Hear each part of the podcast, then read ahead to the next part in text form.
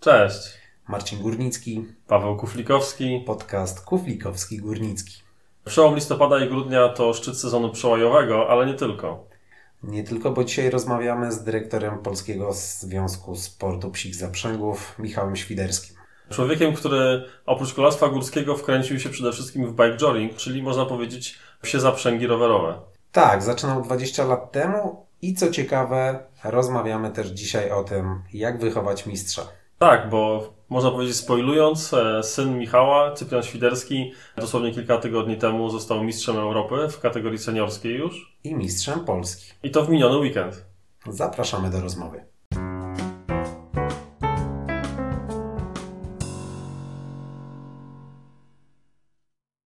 Michał, przełom listopada-grudnia to tak naprawdę z perspektywy kolarskiej e, sezon przełajowy w, e, można powiedzieć, w szczycie sezonu, ale nie tylko, bo również bike jogging wtedy ma swoje, można powiedzieć, 5 minut, a wydaje mi się, że tak jak Belgowie i Holendrzy rządzą w, w przełajach, tak Polacy i Czesi rządzą w bike joggingu.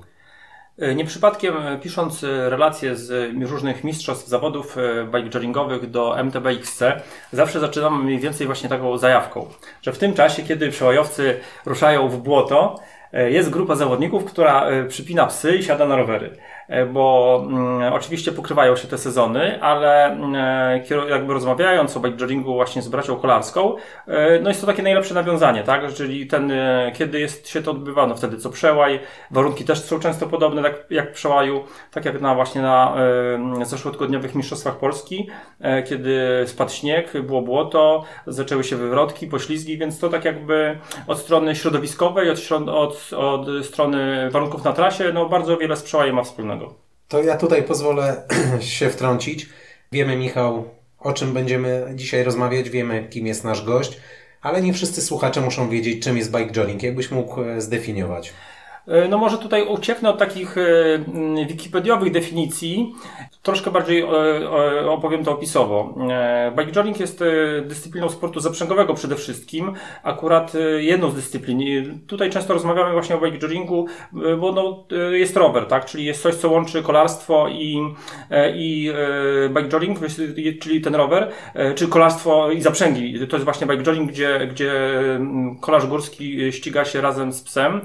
I też wiele osób, e, które uprawiają bike jogging też jakby jest e, zawodnikami MTB, e, także jest tutaj wiele wątków, które obie, obie te dyscypliny, czy oba te sporty łączą, a w praktyce wygląda to tak, że ścigamy się na krótkiej sprinterskiej trasie, to jest to kilka kilometrów, zazwyczaj około 5-4, czyli jest to bardzo dynamiczna dyscyplina. Generalnie używamy rowerów górskich, chociaż nie jest to jakby niezbędne, można jeździć też na innych. I to jest jazda indywidualna na czas, tak? Tak, tak, tak, tak. Jest, są, są czasami jakieś tam specyficzne specyficznych sytuacjach rozgrywane e, wyścigi ze startu wspólnego czy na dochodzenie, ale raczej rzadko, ponieważ ze względu na obecność psów jest to dosyć duże ryzyko.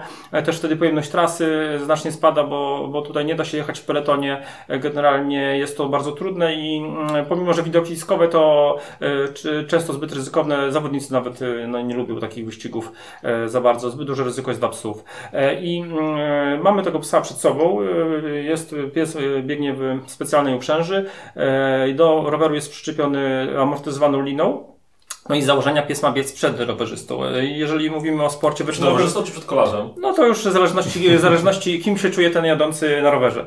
E, I e, nasze założenia są takie, że, że pies jest z przodu, tak? Jeżeli pies zaczyna być z boku lub z tyłu, no to wtedy już mówimy bardziej o rekreacji niż o, niż o e, sporcie kwalifikowanym.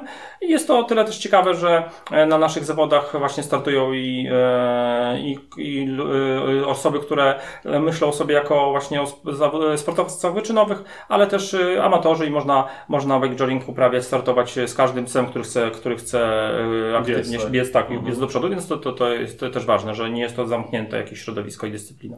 Jak ty trafiłeś do bike joggingu? Czy to wynikało z tego, że zabrakło ci nie wiem, urozmaicenia jakichś e, dodatkowych bodźców e, w kolarstwie górskim? Czy byłeś po prostu posiadaczem e, psa i chciałeś jakoś połączyć to posiadanie z pasją do roweru?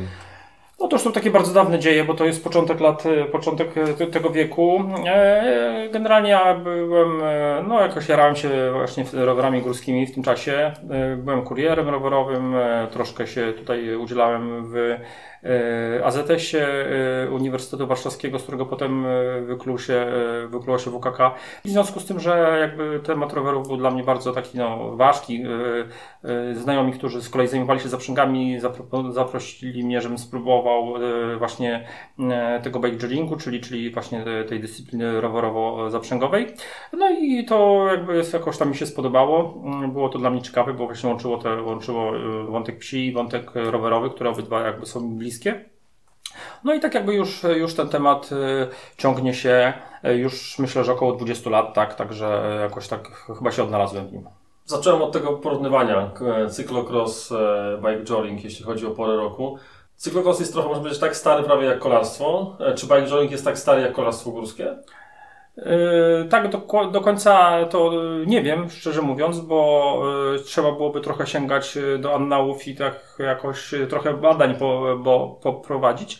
Myślę, że bike to na pewno nie, ale sport zaprzęgowy w takim nowoczesnym wydaniu, gdzie pojawiły się te dyscypliny indywidualne, czyli jeden, jedna osoba, jeden pies, to też tyczy się biegania i tyczy się hulajnogi, czy tyczy się też przede wszystkim narciarstwa biegowego. I myślę, że gdyby sięgnąć właśnie do pierwszych, pierwszych pierwszych startów w takich dyscyplinach indywidualnych, które mm, gdzieś tam doszukiwałbym się w Skandynawii, myślę, że mogłoby być to zbliżone do tego, kiedy kolarstwo górskie z, z jeżdżenia studentów w Kalifornii zaczęło, zaczęło przekształcać się w sport. E, wspomniałeś o sporcie e, kwalifikowanym. E, a od kiedy istnieje, albo mniej więcej, mniej więcej jak długo istnieje Polski Związek Psich Zaprzęgów? Jeśli chodzi o, o tą dyscyplinę? Yy, mniej więcej można powiedzieć, że tyle, ile ja w tym sporcie, ponieważ właśnie kiedy, kiedy ja zacząłem się e, zajmować yy, sportem zaprzęgowym, bo nie tylko bike joggingiem się zajmowałem, w zasadzie, w, zasadzie w, w, bike, w sporcie zaprzęgowym uprawia, uprawiałem prawie wszystkie dyscypliny, które są, to właśnie w, w, tym czasie jakby były mm, przymiarki, czy by zaczął powstawać Zwią Polski Związek Sportu Psich Zaprzęgów pod, pod auspicjami Ministerstwa Sportu i to było z połączenia jakichś tam organizacji mniej formalnych, które wcześniej funkcjonowały dwóch w Polsce, e, czyli to jest właśnie początek, początek e, e, naszego wieku. Mhm. A jeśli chodzi o trzymając się tego wątku sportu kwalifikowanego, cokolwiek dzieje się w temacie tego, żeby stał się to dyscypliną olimpijską, jakakolwiek odmiana zaprzęgów, czy to jest raczej wykluczone, bo, bo jest, igrzyska są tylko dla ludzi, a uczestnictwo zwierząt jest jakby niedopuszczone. Jak, jak to wygląda z Waszej perspektywy? E, jak to wygląda dokładnie, to nie wiem, ponieważ e, tym zajmują się organizacje światowe, mm -hmm. czyli w mhm. naszym przypadku IFSS i nie wiem na jakim to jest etapie. No wiem, że na pewno takie ambicje są, aczkolwiek od strony technicznej to jest troszkę ciężko wykonalne, ponieważ no, wszystkie te dyscypliny byśnieżne E, jeżeli miałoby być rozgrywane na Igrzyskach Olimpijskich letnich, to jest to w zasadzie niemożliwe ze względu na temperatury, ponieważ zazwyczaj wygląda to tak, że jest to właśnie w lato, kiedy, jest bardzo gorąco. Nasz sezon, e, tak jak widać, rozgrywa się późną jesienią, na przełomie zimy, kiedy no, musi być zimno, więc w zasadzie w grę wchodzą, zresztą też na Igrzyskach Olimpijskich letnich no, jest ciężko z miejscem, tak? Mhm. Tam no, wiele bardziej jakby komercyjne dyscypliny mają szansę się dostać. Nasza myślę, że nie. Może być tutaj szansa na, na Igrzyskach Zimowych, aczkolwiek no też wtedy zakładam, że ewentualnie dla skijoringu, czyli właśnie narciarstwa biegowego połączonego z, z, psami i myślę, że, że no tak jak dla mnie, czyli y, osoby, która jakby specjalizuje się w bikejoringu, no to jest to raczej, raczej nie nastawiam się, żebym kiedyś ten, ten na Igrzyskach Olimpijskich zobaczył. Mm -hmm. Wspomniałeś właśnie o tym, że e, letnie Igrzyska wykluczają jakby udział bikejoringu przez, przez temperatury. To dlatego właśnie późną jesienią odbywają się większość, większość zawodów, jeśli chodzi o sąd bikejoringowy, że, żeby jak psy się nie przegrzały, to e, tak, było to, chłodno? Tak, to jest dokładnie opisane w regulaminie, jakby jeżeli chodzi o znaczy, nasz polski e, regulamin, nasz e, Polskiego Związku Sportu Psich Zaprzęgów, to możemy rozgrywać zawody od 1 października, tak? Także mhm. tutaj nawet jeżeli temperatura byłaby niższa wcześniej, no jakby nie ma takiej możliwości, tylko jest dopuszczany w okresie letnim rozgrywanie canicrossu, czyli, czyli, czyli biegania z psem mhm. i też tam jest data na, na wiosnę, do kiedy takie mhm. zawody mogą się odbywać, więc tutaj tak jakby nawet, nawet pomijając kwestie praktyczne, jaka, dyscyplina, jaka temperatura realnie panuje, no to jest to po prostu obostrzone właśnie mhm. wymogami regulaminowymi. Czy Polacy zawsze byli w czubie e, w Europie, na świecie? W zasadzie tak. E, generalnie odkąd bike jogging, e, znaczy odkąd są rozgrywane e, zawody drylandowe, czyli Mistrzostwa Europy, Świata w warunkach wyśnieżnych, bo one później weszły. Nie, nie, nie, nie mam teraz przed oczami konkretnych dat, ale mhm. no długo, długo były rozgrywane zawody na śniegu, zanim pojawiły się zawody w warunkach wyśnieżnych, to praktycznie od początku mhm. Polacy, Polacy brylowali. No tutaj wiadomo, generalnie jest nazwisko Igora Tracza, jest e, Agnieszka Jarecka, e, to nasi tacy, nasz, taka dwójka najdłużej e, panujących, panujących tak, tak, mistrzów. Mają góry, doły w swojej karierze, ale generalnie cały czas są na topie i to, i to x lat. Agnieszka uprawia już sport zaprzęgowy chyba 25 lat, więc zdecydowanie jest, myślę, że jedną z, no w Polsce na pewno, a pewnie i jedną z na świecie najdłużej, najdłużej uprawiającą ten sport zawodniczką. I, i tak jakby na przestrzeni tych, tych kilkunastu lat, kiedy, kiedy jest bike jogging, e, kiedy jest rywalizacja joggingu, to zdecydowanie nas widać, tak? Mm. Są takie momenty, tak jak e, kiedy jest tych zawodników więcej, jest mniej, ale zawsze ktoś, ktoś w tym bike joggingu z Polski jest. Także tutaj możemy spokojnie nazwać tę dyscyplinę naszą specjalnością. Możemy powiedzieć, że umiemy bike jogging i nie zawahamy się go użyć. Wspomniałeś nazwisko Agnieszki Jareckiej, że najdłużej startuje. Czy możemy powiedzieć, że jest to taka nasza polska Gunrita? E, myślę, że tak. I co w przypadku Agnieszki jest to tyle ważne, że jest to osoba, która e, pewnie jako nie wie, jedna z niewielu e, zawodniczek odnosi, czyli niewielu zawodników odnosi sukcesy i na śniegu i w warunkach bezśnieżnych, no co jest, no wiadomo, że, że są zawodnicy, którzy właśnie w różnych dyscyplinach jednocześnie utrzymują topowy poziom, ale no bardzo rzadko jest taka sytuacja. I co ważne jest to, że myślę, że Agnieszka Jarecka, tutaj troszkę pójdziemy właśnie w ski joring, ale jest jedną z niewielu wielu e, osób, e, zawodniczek w, Polsce, poza Justyną Kowalczyk, która, która regularnie e, pierze w Skandynawów. Ale też mówisz o, o, o, o skijoringu konkretnie. Tak, no? tak, tak. A jeśli chodzi właśnie o te, o te nacje, bo, bo tak jak mówi, rozmawialiśmy, Czesi i Polacy to są, są chyba głównymi rozdającymi nac, nacjami tutaj w tej dyscyplinie, tak przynajmniej mi się to jakoś tak w głowie układa. Czy z, z biegiem ostatnich lat rosnącej popularności i kolarstwa i, i, i dyscypliny E, pojawiają się nowe nacje, no, nowe, nowe kraje się jakoś bardziej angażują, czy raczej cały czas są tłem e, rywalizacji? Czy w ogóle się nie pojawiają? Jeżeli chodzi o nacje, to na pewno e, trzeba tutaj wspomnieć o Bo oni są mocni zawsze i też tam jedni odchodzą, drudzy, drudzy przychodzą, ale zawsze jest kilku mocnych. Jest no, najbardziej tutaj warto wspomnieć o Wiktorze Larsenie. I z jednej strony takie silne nacje, no to nie jest ich wiele i właśnie tutaj bym mówił o tych Polakach, Czechach, Norwegach, bo z innych nacji pojawiają się mocni zawodnicy oczywiście, którzy mają tam jakiś swój czas, ale no ciężko mówić o konkretnych krajach, tak? Także tutaj jeżeli właśnie chodzi o jakieś takie długoterminowe, e, mocne, mocną obecność, to właśnie e, myślałbym o tych trzech, trzech krajach. Czy to jest sport dla każdego? Dla wszystkich, ale nie dla każdego. To, mhm. Ale tak jak każdy sport kwalifikowany, więc ja bym akurat w tym sporcie nie upatrywał jakichś specjalnych e, ograniczeń. E, no, budżetowo no nie jest to jakiś tam droższy sport od innych sportów uprawianych na, kwalifikowanych na poziomie e, takim profesjonalnym. No sprzętu też nie wymaga jakiegoś tak. specjalnego, bo powiedziałeś, jest to normalny rower górski, tak? Tak, Plus tak. Wiadomo, że wszędzie można jakby koszta podnosić. Tutaj są koszta związane na przykład z wyjazdami, tak, no bo ścigamy się się często po całej Europie, a nawet i świecie, bo jeżeli są Mistrzostwa Świata w Stanach, czy w Kanadzie, no to dochodzi kwestia transportu psa samolotem i tutaj się jakieś tam robią koszta. No kosztuje jakby takie codzienne utrzymanie psa, bo to nie jest tak, że my po prostu, nie wiem, trenujemy sobie, potem przychodzi sezon, dwa miesiące wyjeżdżamy i potem znowu tak jakby wracamy do pracy i, i, i nas nic nie interesuje. Także tutaj jakby psa trzeba utrzymać cały czas, trzeba go trenować, więc e, jakby kwestie weterynaryjne też wchodzą. Problemy się robią oczywiście, jeżeli na przykład wchodzą jakieś kontuzje, no ale to tak jak i, jak i u człowieka, jeżeli, jeżeli, e, jeżeli są kontuzje, to wiadomo, sprawa się komplikuje. Więc jakby od strony takiego budżetu pieniędzy to no, każdy sport jest drogi, ten nie jest jakiś tam wybitnie droższy.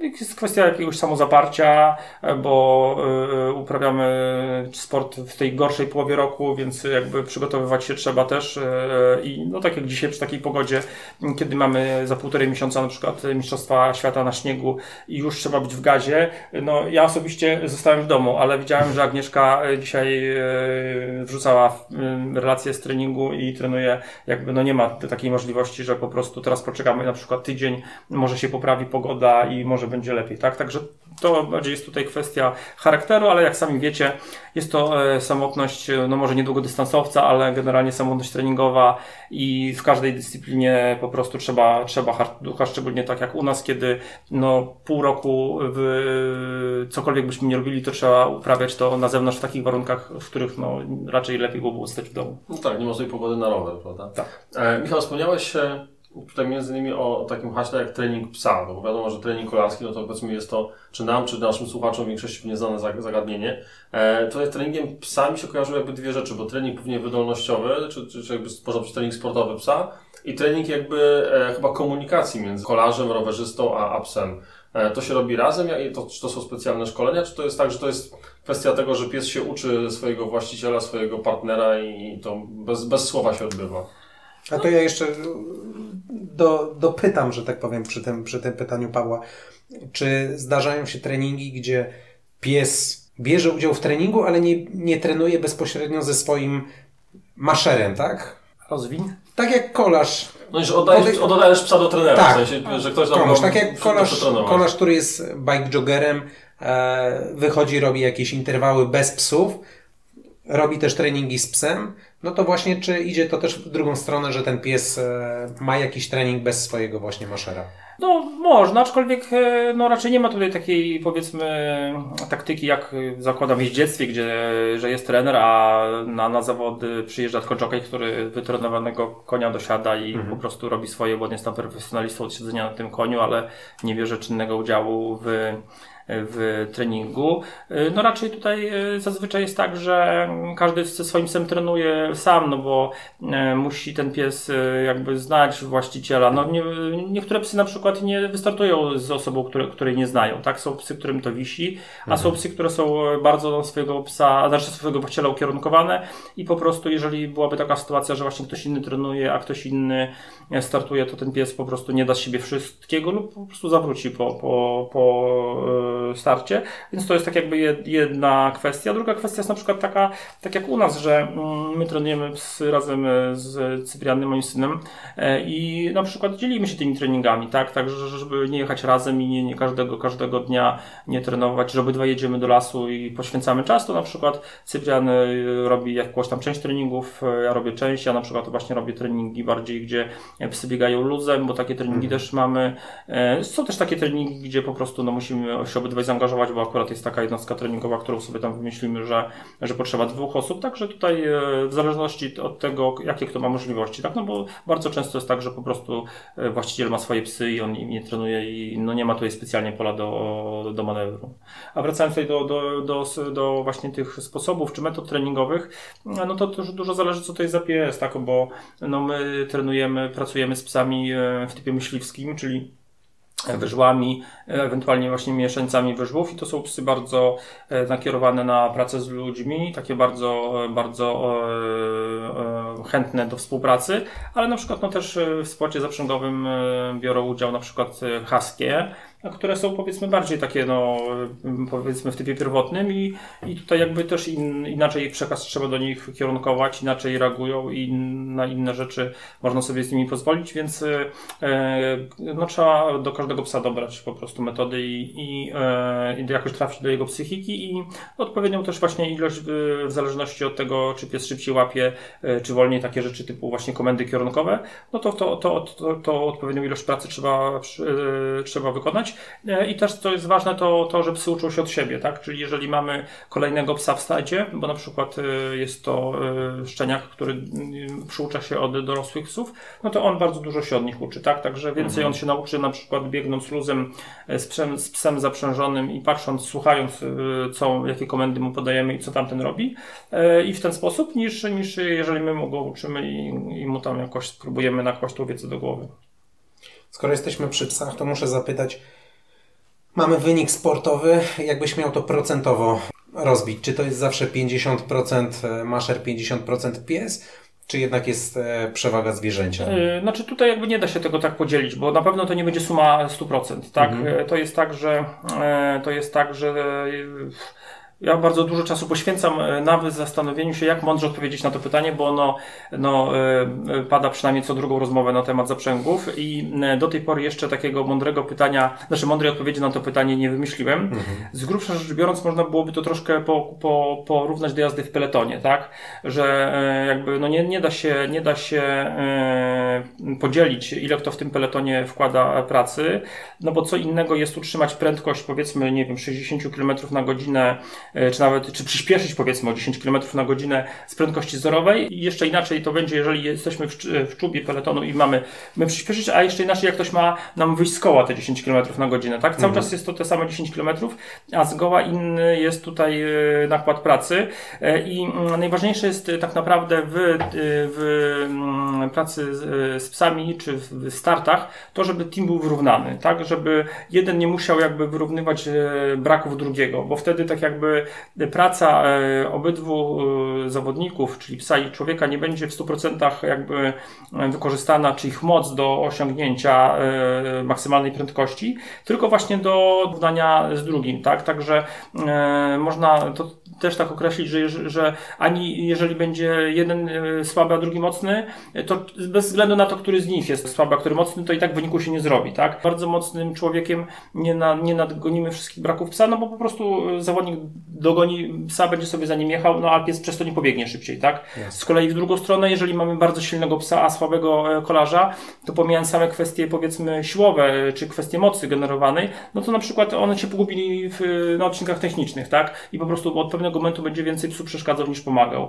Także tutaj jakby ja bym właśnie e, raczej rozpatrywał to pod kątem e, wyrównanej, wyrównanej dyspozycji obydwu, czy maksymalnej możliwej dyspozycji obydwu składowych tego zestawu i też ewentualnie właśnie patrzyłbym tutaj na to, że jeżeli już są dysproporcje, e, czyli na przykład jeden z nich jest mocniejszy od drugiego, to żeby właśnie tak e, to dobierać, tak to rozwijać, żeby po prostu te dysproporcje w rozsądny sposób zasypywać, tak? Czyli jeżeli na przykład powiedzmy, no e, mamy problem z szybkością maksymalną psa, no to żeby zawodnik powinien pracować nad tym, żeby jak najbardziej go odciążyć, żeby, żeby ten pies się nie męczył jeszcze rozpędzaniem zawodnika, tak? No tutaj są już takie niuanse, które, które no, trzeba byłoby rozpatrywać pod kątem e, każdego, każdego indywidualnego przypadku, mhm. tak? Co, co da się wycisnąć e, i co można jeszcze poprawić. Padło, padło przez, chwilę, przez chwilę z, to ciebie hasło technika. Na ile techniczne są w ogóle te trasy? Bo, bo kolarstwo górskie, e, czy rower górski, no to jakby z naszej polskiej perspektywy chociażby mamy takie najprostsze gonki po lesie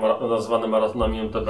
Mamy prawdziwe maratony MTB górskie, e, mamy cross country, gdzie byś umiejscowił trasy e, do bike znaczy tutaj jakby zdecydowanie są bliżej właśnie tych gonek e, po, po, po lesie, o których mówisz, ale tak jakby e, wszystko odbywa się o wiele, z o wiele większą prędkością, tak? Także ta, e, ta trudność nie wynika z takiej trudności technicznej jak na XC, tak? Że tam są, nie wiem, dropy, nie wiem, rock gardeny, czy tam mm. jakieś inne takie elementy techniczne. Takich rzeczy nie znajdziemy. Nie, bo to, to byłoby krzywdzące dla psa. Tak, tak, tak, tak. Tym bardziej no też byłoby, wiesz, no generalnie jakby... Niebezpieczne dla psa. Tak, no ale też trudno byłoby technicznie to wykonać, tak? No bo jeżeli mm na przykład, nie wiem, najechalibyśmy na trudny element i chcielibyśmy go pokonać jakoś tak, no tutaj sobie tam wybrać jakąś linię, no to nie byłoby jak, no bo pies po prostu cały czas dzida, tak? On się tam nie, on nam nie zwolni, mhm. dlatego że my, żeby my sobie nie radzimy. Ale właśnie ta trudność wynika z... Wyobrazimy sobie po prostu kogoś, kto, kto jedzie w bike przejeżdża przez Rock Garden, pies leci na prosto, a ktoś tam w tych kamieniach po prostu ciągnięty już. No mniej więcej tak to wygląda. Kiedyś na rychlebach jeździłem z psem, tylko oczywiście luzem i po prostu no, widziałem, jak, jak mniej więcej jak on tam się zachował, jak on wybierał linię, jak ja wybierałem, no, no to generalnie no, nie jest to możliwe w takich warunkach jeżdżenia mm -hmm. z psem e, za, e, zaprzężonym, czyli, czyli, czyli jeżeli człowiek byłby połączony. A, e, I wracając jeszcze do, właśnie do, do, do techniki, gdzie, gdzie jest ta technika, tak? No bo jeżeli mm, obejrzymy sobie taką trasę luzem, przejedziemy na rowerze, no to stwierdzimy, że rzeczywiście no tam jakiś za trudne to nie jest, tak? Ale teraz jeżeli sobie powiedzmy przyłożymy do tego wektor, no załóżmy y, półtorej lub dwa razy większej prędkości do tej, którą powiedzmy jesteśmy w stanie no, mm -hmm. pokonać tą trasę, jeżeli spojrzymy właśnie na to, z jaką prędkością jeździ, jeździ czołówka, z jaką, z jaką e, my ją pokonujemy, no to wtedy po prostu zaczyna być to Jakie trudne. są prędkości? No generalnie teraz już powoli zbliżamy się do nie wiem, czy osiągniemy, ale już e, powiedzmy zbliżam się do 40 na godzinę średniej e, z, z, z, z takiego wyścigu. No, 4-5 km trasy. tak, tak. Jest to powiedzmy teraz w Lejpie, czyli na Mistrzostwach Europy, które tutaj właśnie relacjonowaliśmy w MTBXC i zakładam, że wiele osób czytało, więc ma przed oczami jak tam rywalizacja wygląda. No to trasa składała się z trzech części, tak? Czyli była prosta rozbiegowa e, od startu i to było tam kilkaset metrów, po czym był pierwszy zakręt, na którym e, już parę osób zostało na tym zakręcie na drzewie, tak? I e, później był... Nawet dosłownie chyba z tego Tak, tak, tak, tak, tak, tak. To właśnie sam go nagrywałem, bo, bo, bo e, miałem okazję to obserwować. E, I e, później była właśnie taka sekcja. Ten zakręt no, był prosty, zakręt 90 stopni, no żaden problem, tak? Tylko teraz, jeżeli wchodzimy w niego e, właśnie rozpędzeni po 500 metrach e, e, na wprost, gdzie idziemy ponad 40 na, 40 na godzinę i tej prędkości czy nie wyredykujemy, czy po prostu nam się nie uda zrobić to tak, jak chcemy, no to jest, a to jest jakby wyścig, tak? Więc e, każda redukcja no, jest obarczona e, stratą sekund, więc no, każdy musi wybrać tutaj, gdzie, gdzie, na co sobie może pozwolić, tak? No i tutaj jakby już wchodzą właśnie te możliwości e, techniczne każdego zawodnika, no co jest, co on jest w stanie zrobić, a czego już nie jest w stanie zrobić i, e, i tutaj e, przy takiej prędkości, no e, nawet nie mówię o błędach, e, czy jakichś e, wywrotkach, tylko po prostu nie każdy Czysta sobie, fizyka po tak, prostu nie każdy sobie po prostu potrafi radzić i utrzymać taką prędkość, tak? E, Tym bardziej, że tak jak mówię, że e, ta prędkość, o których mówimy, to jest średnia. E, e, W Lejpie Cyprian przejechał trasę według pomiaru oficjalnego pomiaru czasu 36 na godzinę mam średnią, tak? I to w tej trasie, gdzie było mnóstwo dziur, korzeni, mnóstwo tych zakrętów w środkowej części, e, więc e, globalnie przy takiej trasie e, bardziej płaskiej, prostej, to myślę, że do tych 40 już coraz częściej będziemy się zbliżać. Tak? Mhm. No jakie jeszcze różnice zwracają uwagę osoby, które e, próbują bike joringu, stawiają pierwsze kroki? Zakładamy, że mamy doświadczonego kolarza górskiego, któremu e, przypięliśmy mm, uprząż, przypięliśmy psa do roweru. Okej, wspomnieliśmy o tej prędkości, to jest na pewno odczuwalne. Co jeszcze? Jakie czynniki, m, które tak e, namacalne będą od samego początku? Przyspieszenie przede wszystkim. Adrenalinka, przede wszystkim adrenalinka, bo jeżeli jakby jeździmy już jakiś czas psem i to tą prędkość zaczynamy, zaczynamy, zaczyna, zaczynamy się do niej przyzwyczajać, to już troszkę inaczej wygląda. O tyle na początku, no powiedzmy mamy jakąś percepcję, poruszamy się na danej trasie w jakiejś tam właśnie jakąś prędkością, troszkę szybciej, troszkę wolniej, no ale generalnie gdzieś to się mieści w jakichś ramach, które, e, które, które są powiedzmy mm, zdefiniowane przez nas, przez, nasz, przez nasze możliwości i to nagle się okazuje, że to wszystko dzieje się półtora razy szybciej, tak? Także e, no to jest bardzo ciekawe i, e, i e, na początku rzeczywiście jest takie wielkie wow. No a potem, potem się przyzwyczajamy, ale no niektórym już tego zaczyna brakować i tak jakby wtedy, wtedy się wkręcamy, tak? A no też jest, też jest praca z psem, co też jest fajne, no bo dla wielu osób to jest jakby no taka za- zajawka mocna właśnie, możliwość robienia takich rzeczy, kiedy mm, no też te psy sportowe, no to jest powiedzmy e, kupę mięśni, kupę mocy, tak, i po prostu okiełznanie takiego żywiołu, a to nie jest proste, tam nie ma żadnych lejc, czy, czy pies musi z nami komunikować się głosem, musimy sobie wzajemnie ufać, e, więc... Na e, Bluetoothie. Tak, Słuchaweczka. E, więc jeżeli uda nam się to wszystko opanować i to działa, no to jest generalnie no, zajawka na maksa. Powiedziałeś o tym przyzwyczajeniu do prędkości. Czy zdarza się, zdarzało Ci się nawet dla, własnej, dla własnego sprawdzenia się dopiąć e, kolejnego psa? No tak, no ja wiesz, robiłem w tym sporcie, tak jak mówiłem, prawie wszystko. No, jeździłem e, i na, znaczy bardzo lubię właśnie ski jogging, czyli, czyli biegówki. E, tam Tak, no, tak, ale mówię tylko w kontekście jazdy na Nie, rowerze. no to, to, że jeździmy z dwoma psami, to jest normalne na treningach, tak? Ja maksymalnie kiedyś dla sprawdzenia e, do hulajnogi zapiąłem cztery psy, więc to też było ciekawe doświadczenie. To jest VMAX wtedy? Nie, to wtedy raczej jest e, walka o utrzymanie tej, utrzymanie Równowagi. równowagi. Tak, no bo od pewnego momentu ta prędkość zaczyna już bardziej przeszkadzać niż pomagać, Mm, ale z ciekawostek e, takich troszkę właśnie też, też może bardziej zimowych, to mm, kiedyś w Jakoszycach robiliśmy taki eksperyment, że składaliśmy zaprzęgi sześciopsie e, i tam na saniach i tam jeszcze dopinał się narciarz z tyłu e, na e, właśnie biegowy na, na też linię i sobie takimi zestawami jeździliśmy po, właśnie po górach w Jakuszycach, także to mm, bardzo ciekawe doświadczenie. Czyli to, że z jednym psem startujecie, to jest kwestia bezpieczeństwa? E, Generalnie bike jogging jest e, taką dyscypliną rozgrywaną właśnie w ten sposób, tak, że jest jeden pies. e, W Niemczech wiem, że jest też bike jogging z dwoma psami, ale praktycznie się go nie, nie, nie uprawia.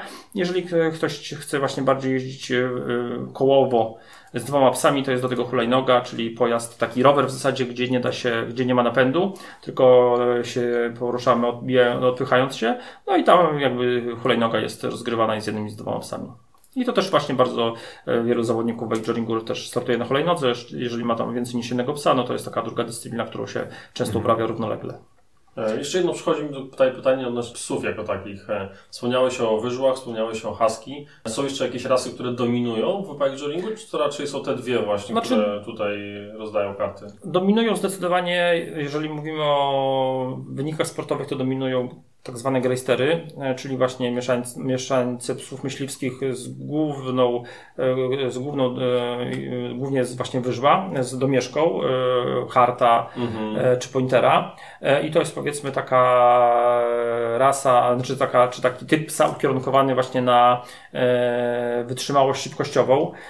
I były próby z większą ilością harta, tylko wtedy no po prostu jest większa szybkość, ale, ale, ale ten pies nie jest w stanie pracować tyle czasu. Mhm. E, inne psy jak najbardziej startują, ale no, nie dominują e, i tutaj e, szczególnie na takich właśnie powiedzmy zawodach e, nakierowanych na sport powszechny, no to tam różne się już pojawiają i każdy pies, który ma chęć pracy, e, to mogą być jakieś pudle, mogą być właśnie mhm e, jakiś border collie, no jamniki są troszkę za małe, bo regulaminowo to e, pies musi mieć 12 kg, żeby A, startować. Okay, to regulaminowo jakby to jest tak. nie długość nogi, tylko, tak, tylko tak, waga. Tak, także tutaj... Ratlerek nie przejdzie. Nie, nie, tutaj każdy pies, każdy pies, który chce pracować, który będzie biegł do przodu, a nie tam powiedzmy e, sikał po zaroślach, jak najbardziej, jak najbardziej może brać udział w rywalizacji sportowej.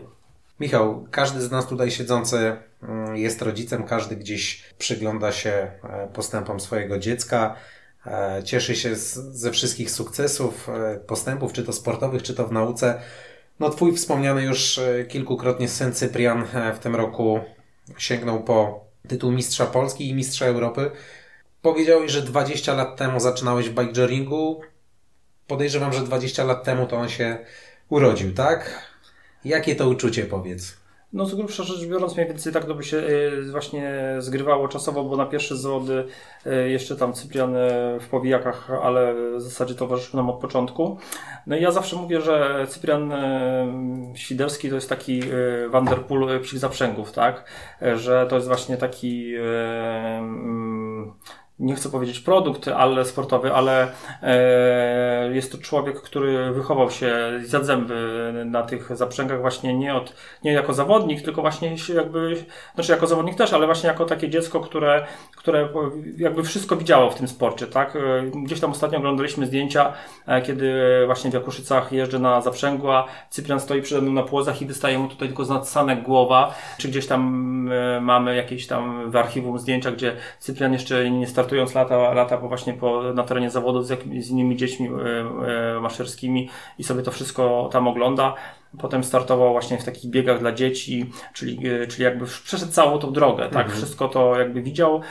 W międzyczasie też uprawiał właśnie kolarstwo górskie, trenował i jakby siadając już na rower z psem, no to czuje się e, w taki sposób, jak e, my, siadając przy stole i e, biorąc sztućce do ręki, tak? Także on łapie za tą kierownicę, w zasadzie może jeździć z tym psem, nie trzymając nawet tej kierownicy, co ja do tej pory mi się taka, taka sztuka nie udaje, aczkolwiek też bardzo nie próbuję. Mówię to jako, bardziej jako porównanie, nie, nie, nie jako cel oczywiście, ale jest tak jakby, no... Poziom techniczny. Tak, w tym bike po prostu jest, jest tak tak jakby no, wie wszystko, można powiedzieć. Tak? Ja pomagam mu od strony takiej jakby organizacyjnej, można powiedzieć, że jako, jako kierownik e, ekipy. E, oczywiście razem e, trenujemy, e, planuję ten trening, Cyprian go realizuje e, i e, to wszystko jakby idzie do przodu, także tutaj powiedzmy mm, nie ma jakby miejsca na przypadek, tak? I to, Czyli nie było, te wyniki nie były dla Ciebie zaskoczeniem. Nie, nie Prędzej było- czy później spodziewałeś się, że to przyjdzie. E, e, W sporcie zaprzęgowym generalnie jest duża, duża doza szczęścia potrzebna, tak? Także poza tą dozą szczęścia, która może być lub nie ma, no bo dużo różnych rzeczy może się zadziać. Pies może przed startem wejść nawet na jakąś, nie wiem, szkło, rozciąć łapę i w zasadzie cały na przykład roczny wysiłek na nic, więc czy, czy w czasie wyścigu może się zdarzyć cokolwiek, także szczęście jest potrzebne, ale poza szczęściem wiedziałem, że wszystko mamy. Wszystko jakby zrobiliśmy. Mieliśmy dosyć dużą rezerwę, właśnie rozmawialiśmy przed nagraniem o rowerze Cypriana, który, który startował na e, Rock Riderze e, niemalże fabrycznym z pudełka wyjętym w zasadzie, no z jednej strony to dobrze świadczy o tym rowerze, że nie wymagał modyfikacji, tak, ale trochę śmieliśmy się, jak oglądaliśmy wyścig zbrojeń przed, przed Mistrzostwami Europy i e, widzieliśmy, jak zawodnicy licytują się na, na kilogramy, a Cyprian e, swój rower e, założył tylko do niego dropera po, po wyjęciu, wyjęciu z pudełka. Czyli tu idealnie wpisuje się hasło nie sprzęta technika, zrobi z Ciebie zawodnika, tak? Dokładnie, tym bardziej, że właśnie sobie dołożył tak na- naprawdę kilogramów, a nie ujął. E, Zmieniliśmy tylko opony e, z Hutchinsonów na, na Wolfpaki. E, Założył, założył dropera, potem za radą Darka Porosia, który ten rower tam obejrzał i zrecenzował, wymieniliśmy tarcze hamulcowe, bo, bo były przyciężkawe i w zasadzie bez już potem żadnych modyfikacji na tym rowerze wygrał i globalnie jakby tutaj nie, nie, nie, nie, nie, nawet jeszcze, jeszcze nie doszliśmy do etapu marginal gain, tak? Na razie jesteśmy cały czas, cały czas jesteśmy na, cały czas jesteśmy jeszcze na zapasie mocy i zakładam, że jeszcze jest, tutaj jest dużo do urwania. Także e, to jest takie taki trochę spokój, który, który właśnie wypracowaliśmy przez te 20 lat mojej kariery, e, czy no no nie całe jeszcze, ale, ale prawie 20 i, i, i prawie 20 lat e, obecności Cypriana w tym sporcie. No, e, 20 lat skończy w marcu, więc e, można, można liczyć, że, że wtedy w marcu właśnie wybije, wybije też jego 20 lat w sporcie zaprzęgowym.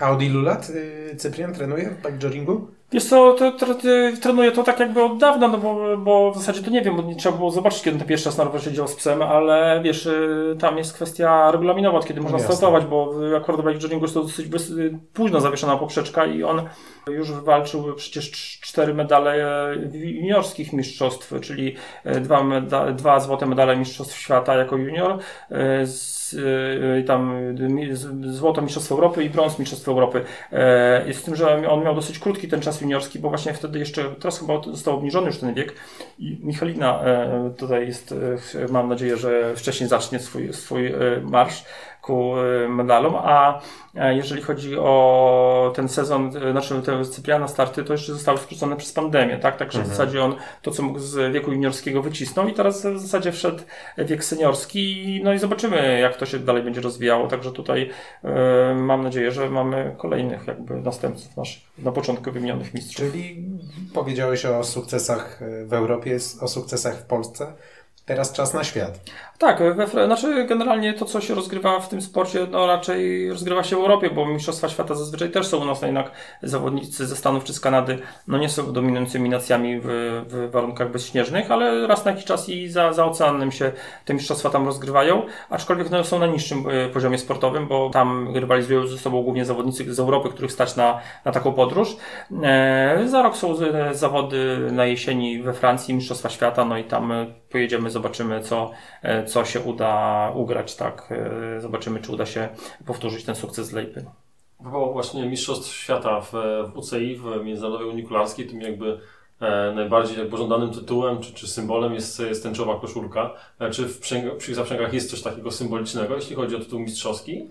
No właśnie tak bardzo to rozkminiałem, y, jeżeli chodzi o te paski, bo tak właśnie myślałem, co by temu Cyprianowi na tej koszulce nadru- nadrukować. No niestety nie ma takiej symboliki wprost, y, więc można tam, da, można by było dać tam jakieś napisy, ale, ale nie ma niestety takich fajnych emblematów jak, jak y, właśnie tęcza UCI, która od razu z daleka pokazuje, że to jest właśnie ten mistrz. Mhm. No ale aczkolwiek tutaj środowisko jest małe, więc i tak wszyscy wiedzą, każdy kto jest kim i, i nie potrzebujemy się aż tak wnosić. E, Michał, wspomniałeś, e, że e, bike jogging, można powiedzieć, to jest ewolucja Twojego zainteresowania kolarstwem górskim. Jesteś w tym pokoleniu, w, tej grupie osób, które w Polsce jeździły pewnie w większości imprez maratonowych, jeśli chodzi o maratony górskie.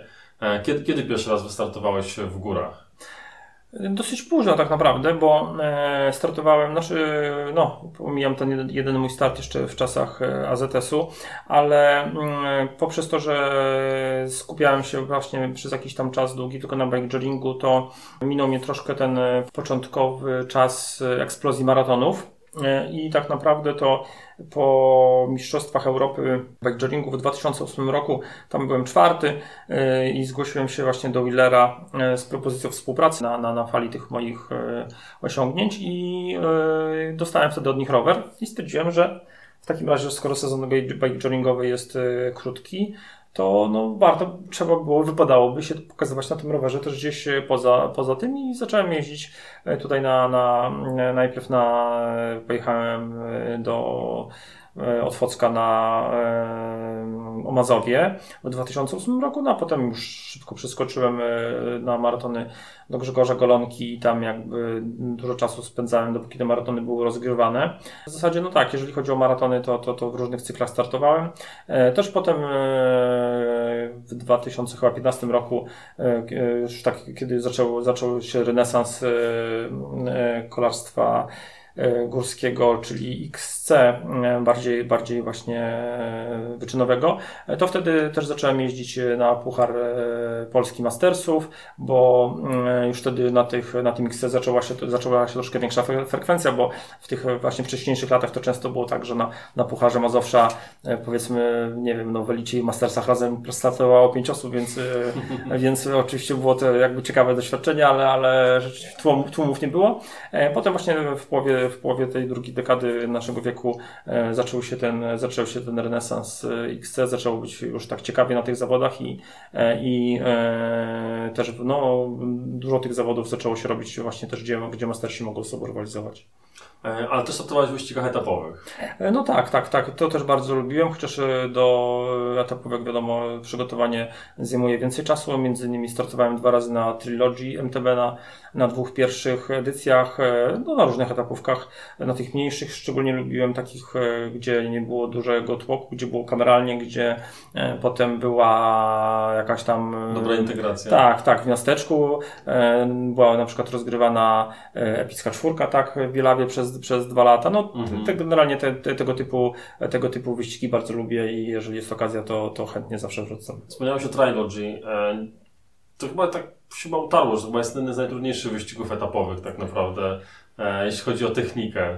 E, no zdecydowanie, może nawet technikę to jedno, ale też kurwa jest po prostu bardzo ciężki wydolnościowo. No tutaj jakby e, jeżdżąc, każdy kto jeździł do Golonki wie, zna ekipę z niebieskiego busa i wie, co Wena Hornych spuszczony ze smyczy robi. No i generalnie to jest, można powiedzieć, w dwóch słowach właśnie oddana oddana idea i jakby kulisy tej czeskiej etapówki, no po prostu tam jakby Weny nikt nie, nie powstrzymuje, no i po prostu jakby ma wolną rękę i e, nie waha się z tego korzystać, także to po prostu e, powoduje, że w takich górach, które są takie niepozorne e, na pierwszy rzut oka, czy gdzieś tam na pograniczu polsko-czeskim, to nawet nie są karkonosze, tylko, tylko takie różne mniejsze, większe górki i, i z tego po prostu e, no, Wena wyciska taką, e, taką rzeźnię, że no, każdemu polecam, ale nie wiem, czy, czy, czy, czy pokuszę się o trzeci start.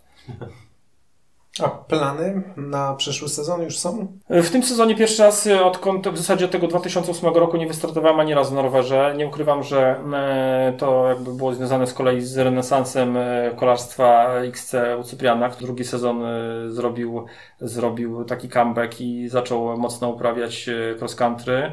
E, tutaj jakby e, połączy, no, połączyliśmy siły, można powiedzieć, z Mitutoyo e, i dzięki współpracy z Kamilem Dziedzicem, najlepszym menadżerem kolarstwa górskiego w tym kraju, udało się właśnie Cypriana znowu wrzucić w, w, w to kolarstwo górskie. Na, na, Dla osób mniej tajemniczonych powiedzmy też, że, że jakby rozmawiamy tutaj z perspektywy Warszawy, Mitutoyo to jest drużyna we Wrocławiu, więc też to takie spore wyzwanie logistyczne. Tak, tak. Tutaj tak jakby właśnie tak to chciałem rozegrać, żeby, żeby e, już Cyprian ścigał się w górach e, i żeby jeździł w drużynie, w drużynie, która jakby specjalizuje się w MTB, No i w związku z tym, że tutaj jakby Kamil jest osobą taką bardzo kontaktową i otwartą, namówiłem, nam, na, na, udało się namówić go na współpracę właśnie z Cyprianem też i e, dzięki temu Cyprian e, trenując pod okiem do tej pory Darka Porosia, a teraz od tego nadchodzącego sezonu e, Rafała Hebisza e, mógł e, właśnie z Mitutojo jeździć w góry i tam z nimi trenować i startować. No i w związku z tym też, to, że tak jak mówicie, że logistyka do tego rzeczywiście była wymagająca, to już tak jakby troszkę moje startowanie musiało być e, zawieszone na kołku, ale jakoś tam specjalnie nie narzekam, bo dzięki temu też e, dużo czasu jakby spędziłem obserwując właśnie e, innych zawodników od, od kuchni, przyglądałem się tam młodzieży, też patrzyłem właśnie co się dzieje ze sprzętem na zawodach, który pochodzi z naszej dystrybucji, więc to tak jakby pomimo, że sam nie startowałem, to bardzo jakby dobrze ten sezon wspominam. A to nie jest tak, że odwiesiłeś rower na hak? Nie, nie, nie. To, to tutaj generalnie trzeba byłoby właśnie zastanowić się, e, jak wygląda rozwój kolarstwa górskiego w tym kraju i tak jakby wydaje mi się, że zgodzicie się z moją opinią, że maratony troszkę umierają, czy tam no, albo przynajmniej e, notują taki, tak, taki dół sinusoidy. Właśnie pytanie, czy sinusoidy, to się zaraz okaże. No tak, tak, to zobaczymy. E, Wszyscy na gravele się przesiedli, na no ja, ultra. Ja tutaj raczej winiłbym, winiłbym chociaż wcale nie narzekam za, na ten stan rzeczy, winiłbym za to rozwój sieci single tracków. Ja osobiście jakby spędzam na rowerze dużo czasu, ale raczej właśnie jeżdżąc po, po mniej lub bardziej przygotowanych szlakach w górach, czy to właśnie w Sudetach, czy, czy w Bielsku. E, no i wydaje mi się, że dzięki temu właśnie, że takie inwestycje powstały, to troszkę e, te osoby, które chciały jeździć na rowerze, a nie miały jakby pomysłu na siebie i wcześniej dla nich były tylko, były tylko właśnie maratony, e, bo jadąc gdzieś tam w góry, no w zasadzie nie wiedziały, co ze sobą robić, tak? I jeżeli, jeżeli jechały na wyścig, no to po prostu miały znakowaną trasę i, i mniej lub bardziej ścigając się mogły sobie po tej trasie jakby te góry poznawać to teraz po prostu jedziemy sobie na single, yy, czy korzystając z wyciągu, czy nie, w zależności od tego, jaką to ma formę, jaki rower. I po prostu możemy sobie śmigać yy, właśnie po single, track, single tracka Glasensis lub, lub Enduro Trailsach w Bielsku cały dzień czy, czy tydzień i się nie znudzimy.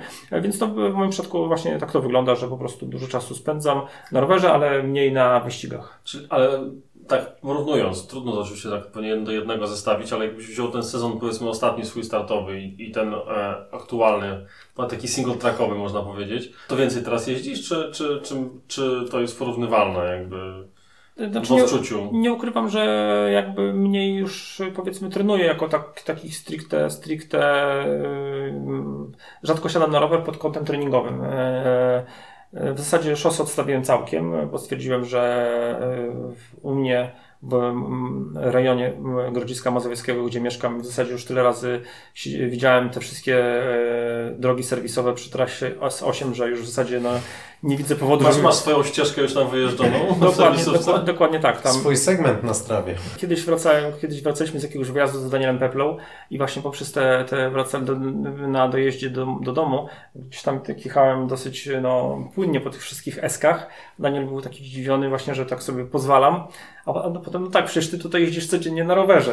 E, no i mniej więcej tak to wygląda, że po prostu nastąpiło u mnie takie zmęczenie już tym tematem i zdecydowanie jeżeli siadam na rower, to albo się przygotowuję na przykład właśnie do zawodów bike jogging czyli w tej drugiej połowie sezonu, a jeżeli chodzi o takie jeżdżenie powiedzmy no w wakacje, no to zdecydowanie bardziej wolę zapakować rower, e, pojechać na przykład e, do Bielska, E, tutaj na przykład e, udało nam się z córką w tym roku poznać fenomen Enduro Princesek, tak? czyli, czyli e, organizowanych w Bielsku mm, półkolonii dla dzieci, głównie dla dziewczynek, gdzie... To rozmawialiśmy właśnie, o tym w ostatnim to, odcinku. Tak, dopiero tak. był Maciej, Maciej Kuzbora tutaj właśnie też mówił, że jego córka zbrała udział właśnie w obozie Enduro Princesek, także, także temat się przewija, widać... Tak, no to ja powiem więcej, bo moja córka, czyli Michalina po pierwszym, po pierwszym turnusie na początku lipca teraz zapisała się na drugi turnus na początku sierpnia, więc jeżeli o mnie chodzi, to jakby podpisuję się pod takimi inicjatywami obydwoma rękami. E, I... To że jako tata musisz tam być na miejscu. A, oczywiście, więc... oczywiście. Znaczy, nie, bardzo, znaczy niechętnie tam jechałem, bo wiedziałem, że o, powinienem być w tym czasie w firmie, ale poświęciłem się i ten, te, te dwa tygodnie w Bielsku spędziłem, e, więc e, generalnie polecam to wszystkim ojcom, którzy szukają jakby... E, Wymówki. Argumentów w negocjacjach e, na temat... Ale to dla ojców, którzy mają córki. No tam e, chłop- chłopcy też, oczywiście dla chłopców też tam jest oferta, ale w przypadku właśnie córek, e, jak, e, jak, jak zastanawiamy się, jak te wakacje połączyć, bardzo przyjemne z bardzo pożytecznym, polecamy do Princeski. Jaka jest Twoja ulubiona trasa, skoro spędziłeś dwa tygodnie w Bielsku? Gdzie naj- najchętniej jeździłeś? Znaczy ja generalnie też troszkę już e, te wszystkie trasy, które, które są w zakrę- Znaczy nie mówię oficjalnym, bo tutaj mówię w ogóle o, o tym rejonie. E, Tak, znaczy e, ogólnie to e, teraz taką sobie zrobiłem. Chciałem połączyć, zrobić jak najdłuższą, najdłuższą trasę, wymyśleć właśnie jednym ciągiem i z, zjechałem z Klimczoka przez Gaciok, Rock'n'Rolle, Twistera i to takim jednym ciągiem to jest no, bardzo fajna trasa, bo rzeczywiście to troszkę trwa ten zjazd, tak, tak, Mhm. ale generalnie też lubię takie trasy trochę właśnie takie kolarstwo romantyczne, czyli e, że gdzieś tam odjemy sobie traka, czy po prostu na, wy, wyznaczamy trasę w terenie i, e, i e, gdzieś tam się troszkę pobujamy, trochę właśnie singlami, trochę, trochę podjazdu, tak, żeby, Mhm. żeby to powiedzmy nie powtarzać cały czas tego, e, żeby nie orać tylko twistera, no wiem, że to też jakby jest taka stały punkt programu. Też oczywiście go lubię, ale tak jakby zdecydowanie warto się gdzieś tam też poszukać, e, czy właśnie po tych singlach nieoficjalnych, czy po prostu e, po jakichś tam śladach ze strawy i Mhm. żeby korzystać w pełni z tych gór, a nie tylko powiedzmy właśnie jedną, jedną cały czas jedną e, i tą samą e, trasą jeździć. A łatwo się wyłącza taki tryb rywalizacji, tryb sportu, startu w zawodach i przełącza na ten luźny, na to czerpanie e, frajdy z jazdy? Na kolarstwo romantyczne. Znaczy wiesz, tutaj nie ma problemu, ponieważ ja właśnie mam, mam ten bike jogging, czyli na jesieni jakby się pościgam i e, tak jakby tą, tą adrenalinę sobie tam złapię wyścigową, e, więc, więc to jest ok. Znaczy tutaj też jakby ja bardzo lubię, e, wspomnieliście o Maćku Mocielskim, właśnie e, małą ligę, bo uważam, że to jest bardzo fajny cykl. Akurat w tym roku nie miałem okazji, ale... To już M, nie mała. No, dla mnie to, dla mnie to jest ma, mała liga. E, I ten, znaczy nie dlatego, że mała, tylko, tylko że mała. E, I mm, jeżeli jest okazja, to też chętnie tutaj jeżdżę się pościgać, więc to jakby jest tak, że jeżeli ktoś potrzebuje adrenaliny takiej i chce się pościgać, chce właśnie rywalizacji, to, e, to jakby też e, mm, to nie trzeba jakichś takich przekładać wajchy, że teraz się już nie ścigam, tak? Mi akurat to troszkę wyszło tak przypadkiem w tym sezonie, ale, e, ale globalnie to e, dzięki takim właśnie wyścigom, e, mniejszym cyklom, tak, gdzie jest fajna atmosfera, gdzie jest fajna trasa przede wszystkim, bo właśnie u nas na Mazowszu no, zazwyczaj jest tak, że organizatorzy dużo energii wkładają to, jak ominąć techniczne elementy, no akurat Tak. mała liga chyba bardziej wkłada energię w to, jak te wszystkie techniczne elementy połączyć na wyścigach, więc jakby e, jak jest taka możliwość i czas, to, to, to też e, chętnie, chętnie na jakiś wyścig przyjeżdżam, e, czy właśnie na Małą Ligę, czy na Puchar Mazowsza, no także tutaj jest... Ale to raczej na zasadzie spontanu. Tak, tak, tak. Jest, jest gdzie się pościgać i nie, nie, całkiem nie wykluczam, rzadko mam okazję po prostu ze względu na czas. E, I no, tak jak mówię, jeżeli jest taka możliwość, to, to, to, to wolę w te góry, tak? I, e, I też były właśnie na przykład takie, nie wiem, wyścigi górskie, no, których już nie ma niestety, jak na przykład Puchar Strefy MTB, czyli takie też mniejsze wyścigi jednodniowe. Także można to połączyć, po, pojechać sobie po prostu na weekend, e, jeden dzień na przykład się pościgać, parę dni pojeździć po singlach, czy, czy połączyć na przykład, ostatnio robiliśmy taki trip, że pojechaliśmy jednego dnia, e, jednego dnia na Srebrną Górę, drugiego dnia na Rychleby, trzeciego dnia do Czarnej Góry, tam na, właśnie na single traki. Także tutaj można, no takie są możliwości, e, że można naprawdę połączyć wszystko, co tylko, co No tam jest naprawdę super, super obszar, który można naprawdę wycisnąć jak cytrynę pod względem e, jazdy po singlach. Zdecydowanie ciężej jest to wszystko zobaczyć, e, e, Tak. czy wszystko przejechać, bo tutaj jest większy problem, bo to już robi się dobrodziejstwo inwentarza, e, więc jeżeli ktoś tylko ma czas i chęci, no to naprawdę można jeździć i jeździć. No właśnie, a wspomniałeś o Srebrnej, o Czarnej Górze, o Rychlebach. Co z tych trzech miejsc e, jest dla Ciebie najfajniejsze? Znaczy to jest ta różnorodność, bo ja generalnie lubię każde z nich, tylko powiedzmy no na jakby ileż można w jednym miejscu. Tak jak wcześniej rozmawialiśmy o Bielsku, to też jakby nie lubię jeździć cały czas tego samego, więc y, to jest takie właśnie fajne, że powiedzmy no ja nie, nie, nie, nie jestem endurowcem, także nie, nie, każda, nie każdy szlak, nie każda ścieżka jest dla mnie i stąd y, wybieram sobie, wiadomo, że bo na rychlebach no głównie jeżdżę na Superflow, tak i, e, i no, Superflow jest fajne, można przejechać dwa czy trzy razy dziennie, no ale, ale nie będę siedział i jeździł trzy dni non-stop, tak? Jasne. Także więc takie właśnie połączenie kilku miejsc, szczególnie no ja często jestem w studentach, już trochę znam te rejony, mam tam e, też e, lokalnych, tak zwanych lokalnych przewodników, czyli moich kolegów, z którymi, z którymi jeżdżę. No tutaj e, szczególnie pozdrawiam e, Jurka Mać, Maćków. E, I e, jakby jeżeli mamy ekipę i jest e, z kimś, można z kim się spotkać, właśnie odkryć coś tam nowego, e, no to takie wyjazdy są najfajniejsze. No właśnie, ja w tym roku pierwszy raz pojechałem na rychlebskie ścieżki po 7 czy 8-letniej przerwie i byłem zaskoczony, jak ta infrastruktura się tam roz, rozbudowała, ile nowych elementów powstało, ile tras i Świetne, świetne miejsce. No, Rechleby to Mekka, tak? Także jest to taki, powiedzmy, ośrodek referencyjny. Jeżeli ktoś myśli o tworzeniu czegoś, yy, takiej miejscówki, no to właśnie powinien tak. Rechleby poznać, zacząć i na pewno, yy, jeżeli się będzie inspirował tym miejscem, to na pewno pójdzie w dobrym kierunku. No nie wiem, znaczy nie wiem, czy można to postrzegać w kategorii minusów, ale jest to miejscówka dla osób, które A. potrafią jeździć, B. mają nogę, mają wydolność, prawda? Bo nie ma wyciągu, trzeba jednak trochę podjechać na początek tych tras. Oczywiście, no ale te jakby tego typu środki są o różnym stopniu skomplikowania czy trudności. Są łatwiejsze w okolicy, no właśnie chociażby na single trackach można sobie dobrać, bo tych y, single tracki dla Sensi są w bardzo różnym przekroju. Można pojechać właśnie na jakieś takie bardziej typowe enduro miejscówki, więc po prostu y, na pewno najlepiej jakoś tam się skalibrować, sprawdzając y, co w danym miejscu, czy nawet właśnie na reklewach są też trasy różnej, różnej trudności. Jeżeli no, organizator, znaczy mm, Gospodarze miejsca jakby nie życzą sobie, żeby tam jeździć na, na e, rowerach elektrycznych, więc oczywiście trzeba to uszanować. E, I to w zależności od tego, jaki mam rower, czy możliwości, czy potrzebujemy wyciągu, czy nie. No w okolicy, nawet będąc w tych sudetach, czy polskich, czy czeskich, możemy sobie dobrać e, no, pod każdy profil rowerzysty ośrodek, mhm. czy tam teren. Także tutaj jakby nie ma czegoś takiego, że jeżeli ktoś no, na chlebach się nie odnajdzie, bo jest za trudno, czy za łatwo, no to musi wracać do domu, tak? Naprawdę jest taki, taki ogrom możliwości, tak. że każdy znajdzie znajdzie coś dla siebie. No właśnie, wspomniałeś o rowerach elektrycznych. Wielokrotnie pytamy naszych gości, jak się na to zapatrują. Jak jest z Tobą? No u mnie to wygląda tak, że jak się wchodzi do mnie do garażu, e, to każdy znajdzie coś dla siebie. E, ja generalnie nie sprzedaję rowerów, bo każdy, znaczy, no nie pozbywam się roweru, bo wszystko gromadzę, tak? Także mhm. u, mnie, u mnie jest wszystko globalnie. no może przełojówki chyba nie mam, nie? Ale elektryka też mam.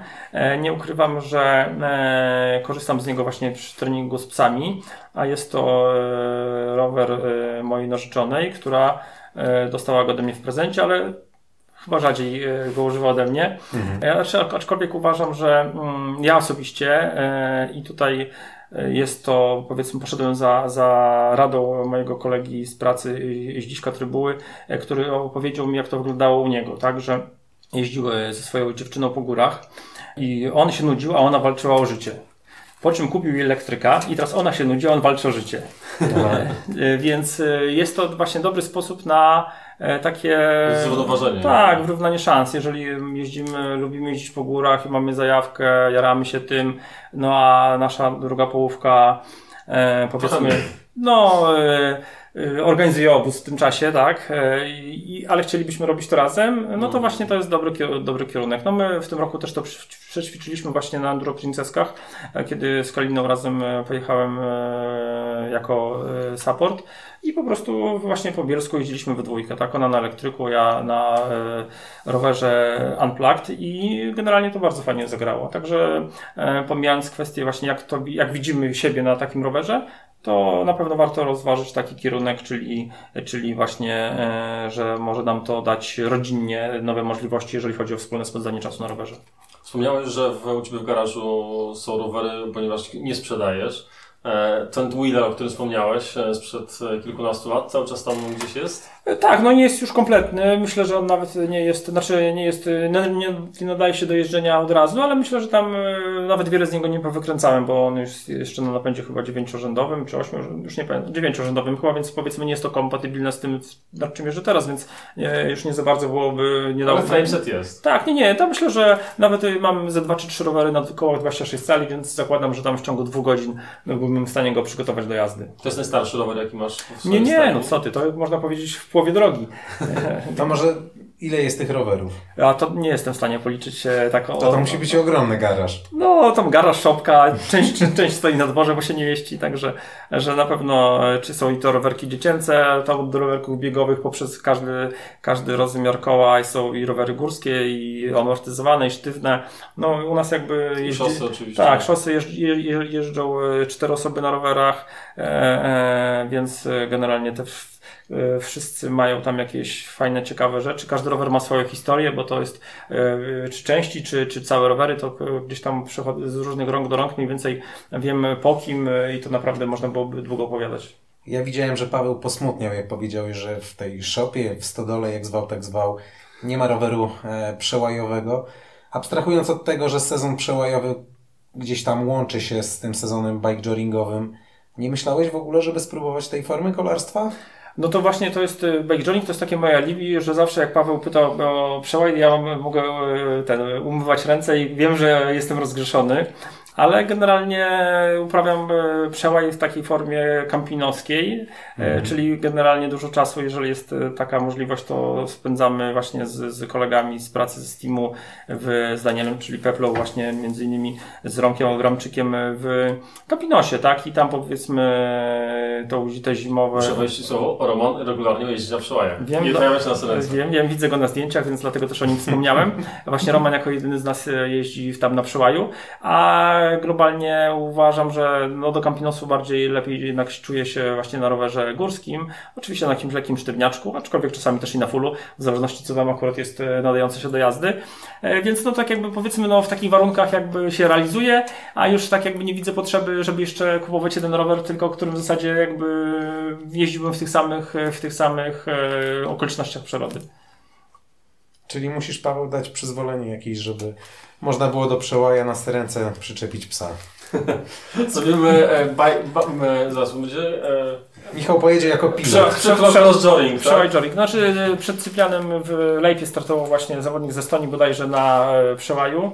To chyba się dobrze nie skończyło. Znaczy, no Cyprian był zdegustowany generalnie, że to było takie ten, że to było... Ale wynik był dobry?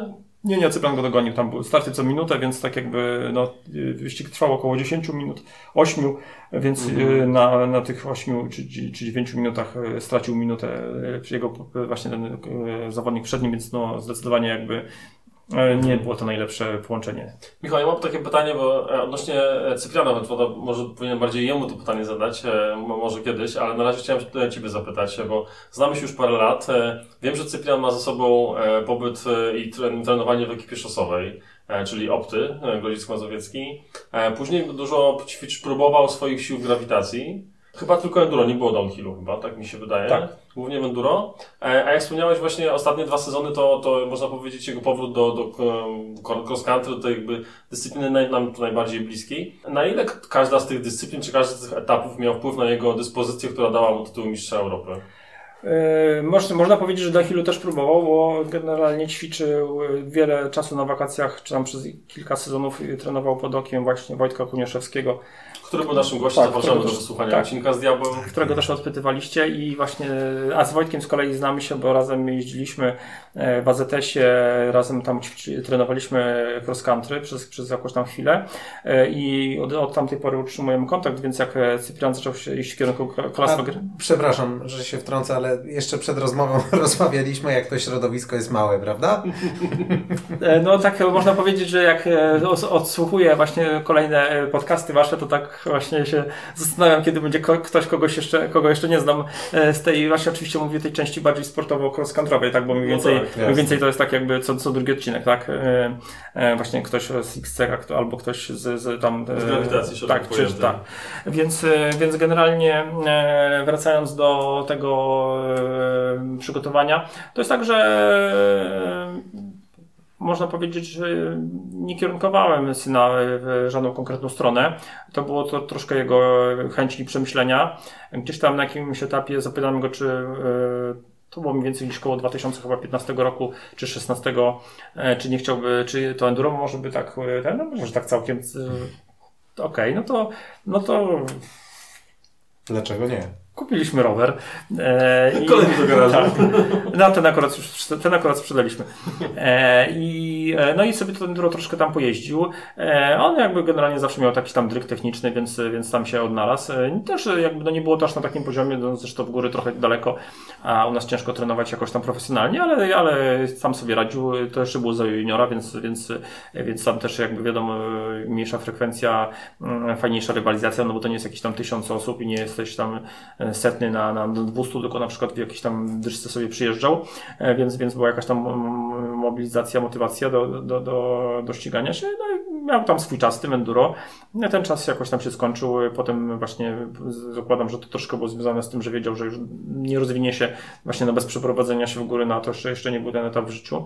E, I to pamiętam, e, jak byliśmy w Mrągowie na ostatnich mistrzostwach mistrzostwach Polski, Polski tak, tam wtedy startował Antek Świderski, czyli Mój bratanek, który wtedy przez właśnie jeden sezon mocno współpracowaliśmy i, i Antek zresztą wtedy wyjechał też dychę w juniorze młodszym na tych Mistrzostwach Polski. Cyprian pojechał jako kibic i stwierdził, że no ja jeszcze będę mistrzem świata w XC, tak? I wróciliśmy do domu i one po prostu takie w zasadzie z dnia na dzień, z dnia na dzień wróciły do tego trenowania. Tam był w międzyczasie właśnie miał sezon przerwy, bo chorował e, i to tak jakby Zazwyczaj no jest tak, że jeżeli ktoś uprawia jakiś e, e, sport, który no, wymaga wyrzeczeń, to potem zazwyczaj idzie jednak, w, e, odpuszcza, tak? I jak już kończy, to raczej idzie na, powiedzmy w jakieś no, łatwiejsze, tak? No właśnie, to jest proces odwrotny. Tak, proces odwrotny, że tak jakby więc bardzo, bardzo, no jakby mnie tym zmobilizował też, żeby zapewnić mu warunki do, do, do rozwoju. Tak, do rozwoju, do tego kolarstwa, no stąd też właśnie kontakt z Kamilem Dziedzicem i, i z Mitutoyo, no i to fajnie się wszystko składa. E, w tym roku tam e, fajnie pojechał sztafetę na Boguszowie Gorcach, było blisko medalu, także, także e, jakieś tam efekty są z tej pracy. I jeszcze wracając jakby do tego, do, uściślając to pytanie, jakby ten tytuł, tytuł mistrza Europy, który teraz wywalczył nie tak dawno, E, te ostatnie dwa sezony w cross country to jest, to jest jakby to, co przyłożyło się, czy raczej jest to, wziąłbyś to jednak tę dłuższą perspektywę czasową jako no to, e, to, co przyniosło efekt? No zdecydowanie jest to tak jakby to, to, ta praca od Orzeszka, czyli od, w zasadzie od, od, od Żaka, bo pamiętam... Od no, pamiętam na przykład e, zawody u Mariusza Serwińskiego w Gielniowie Mistrzostwa Polski, kiedy właśnie Cyprian tam przyjechał w Żaku. Mariusza również, tak, świat jest mały. Chyba jeszcze w Żaku startował i generalnie co roku gdzieś tam jak nie szosa, to XC, to enduro, cały czas, cały czas jakby pchał ten e, wózek treningowy, ale to właśnie ważne, że, że e, na przykład ten czas endurowy pozwolił oderwać, co miał wytrenować, to wytrenował, a e, może jest to kierunek, w jaki jak powinna, co powinna robić młodzież z Mazowsza, żeby rozwinąć się technicznie, tak? Że może właśnie warto sobie dać odpocząć głowie, a za to, za to na tym etapie jeszcze ostatnim, żeby złapać technikę, tak? Może -hmm. właśnie warto odpuścić sobie, pojeździć sezon czy dwa w górach i potem się okaże, że wchodząc wchodząc w, w wiek e, już e, dorosły Orlika czy elity, jednak jesteśmy na zupełnie innym etapie e, technicznym, tak? I to, mhm. i to zdecydowanie jakby w, na tych mistrzostwach Europy zaprocentowało, ponieważ no, trasa była taka, że na tej, tak jak rozmawialiśmy o tych, o tych kontuzjach, tak, na tej dużej prędkości trzeba było operować i tam była, wiesz, chociażby praca droperem, co jest rzadko używane właśnie w bike a Cyprian poprzez mm, doświadczenie z XC, gdzie ten dropper jest jakby podstawową, podstawową, e, podstawowym narzędziem do pracy, mhm. no świetnie to wykorzystał i po prostu jakby nawet na zdjęciach widać tak, że on e, pokurczony na tym droperze, a, a, a nie wyciągnięty tak jak inni mhm. i po prostu każdy zakręt, który wymagał e,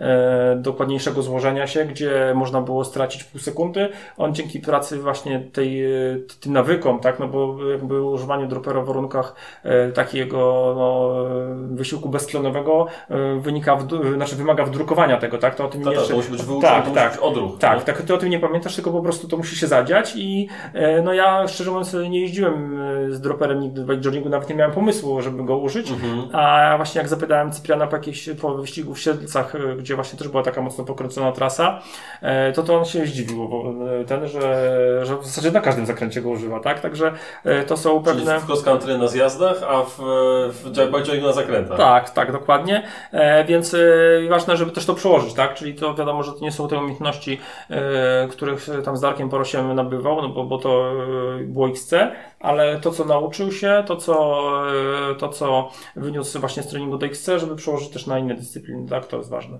Czyli z głową po prostu jechać. Jasne, jasne.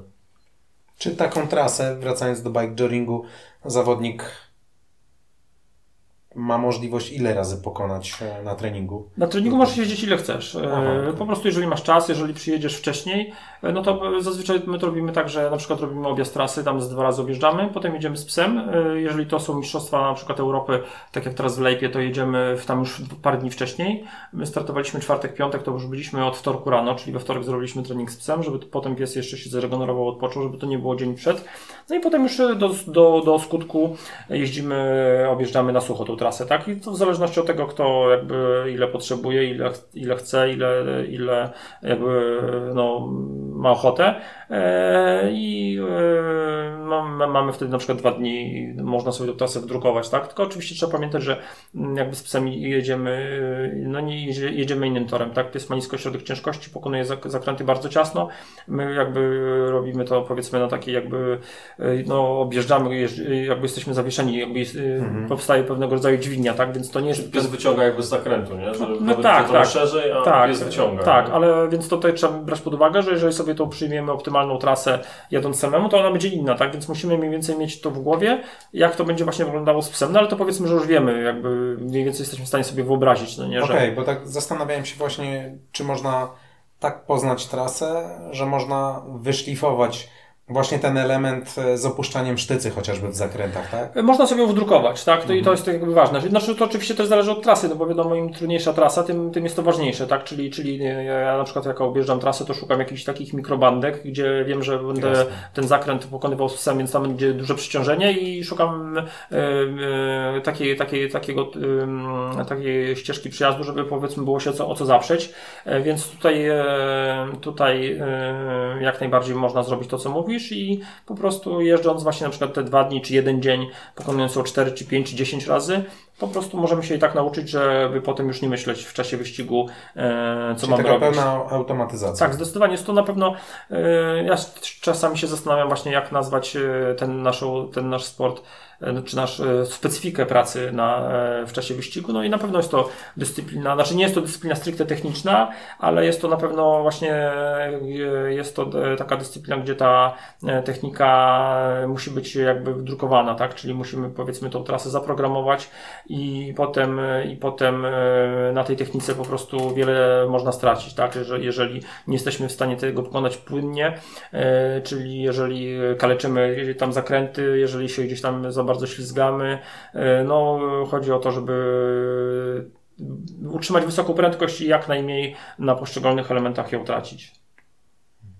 Jak to mówią endurowcy, żeby szanować prędkość.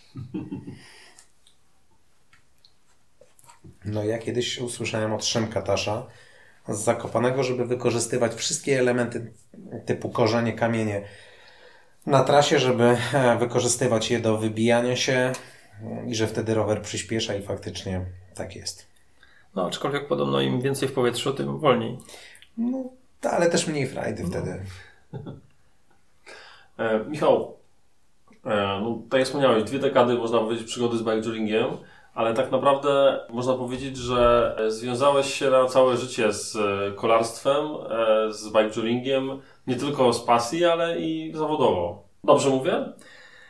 No tak, można, przy, można, można powiedzieć, że mm, popełniłem ten, ten kardynalny błąd, że nie powinno się łączyć przyjemności z obowiązkami. No i mm, ja to jakby czynię od właśnie też kilkunastu lat, no i cały czas się zastanawiam, czy kierunek, czy to dobrze, czy to źle.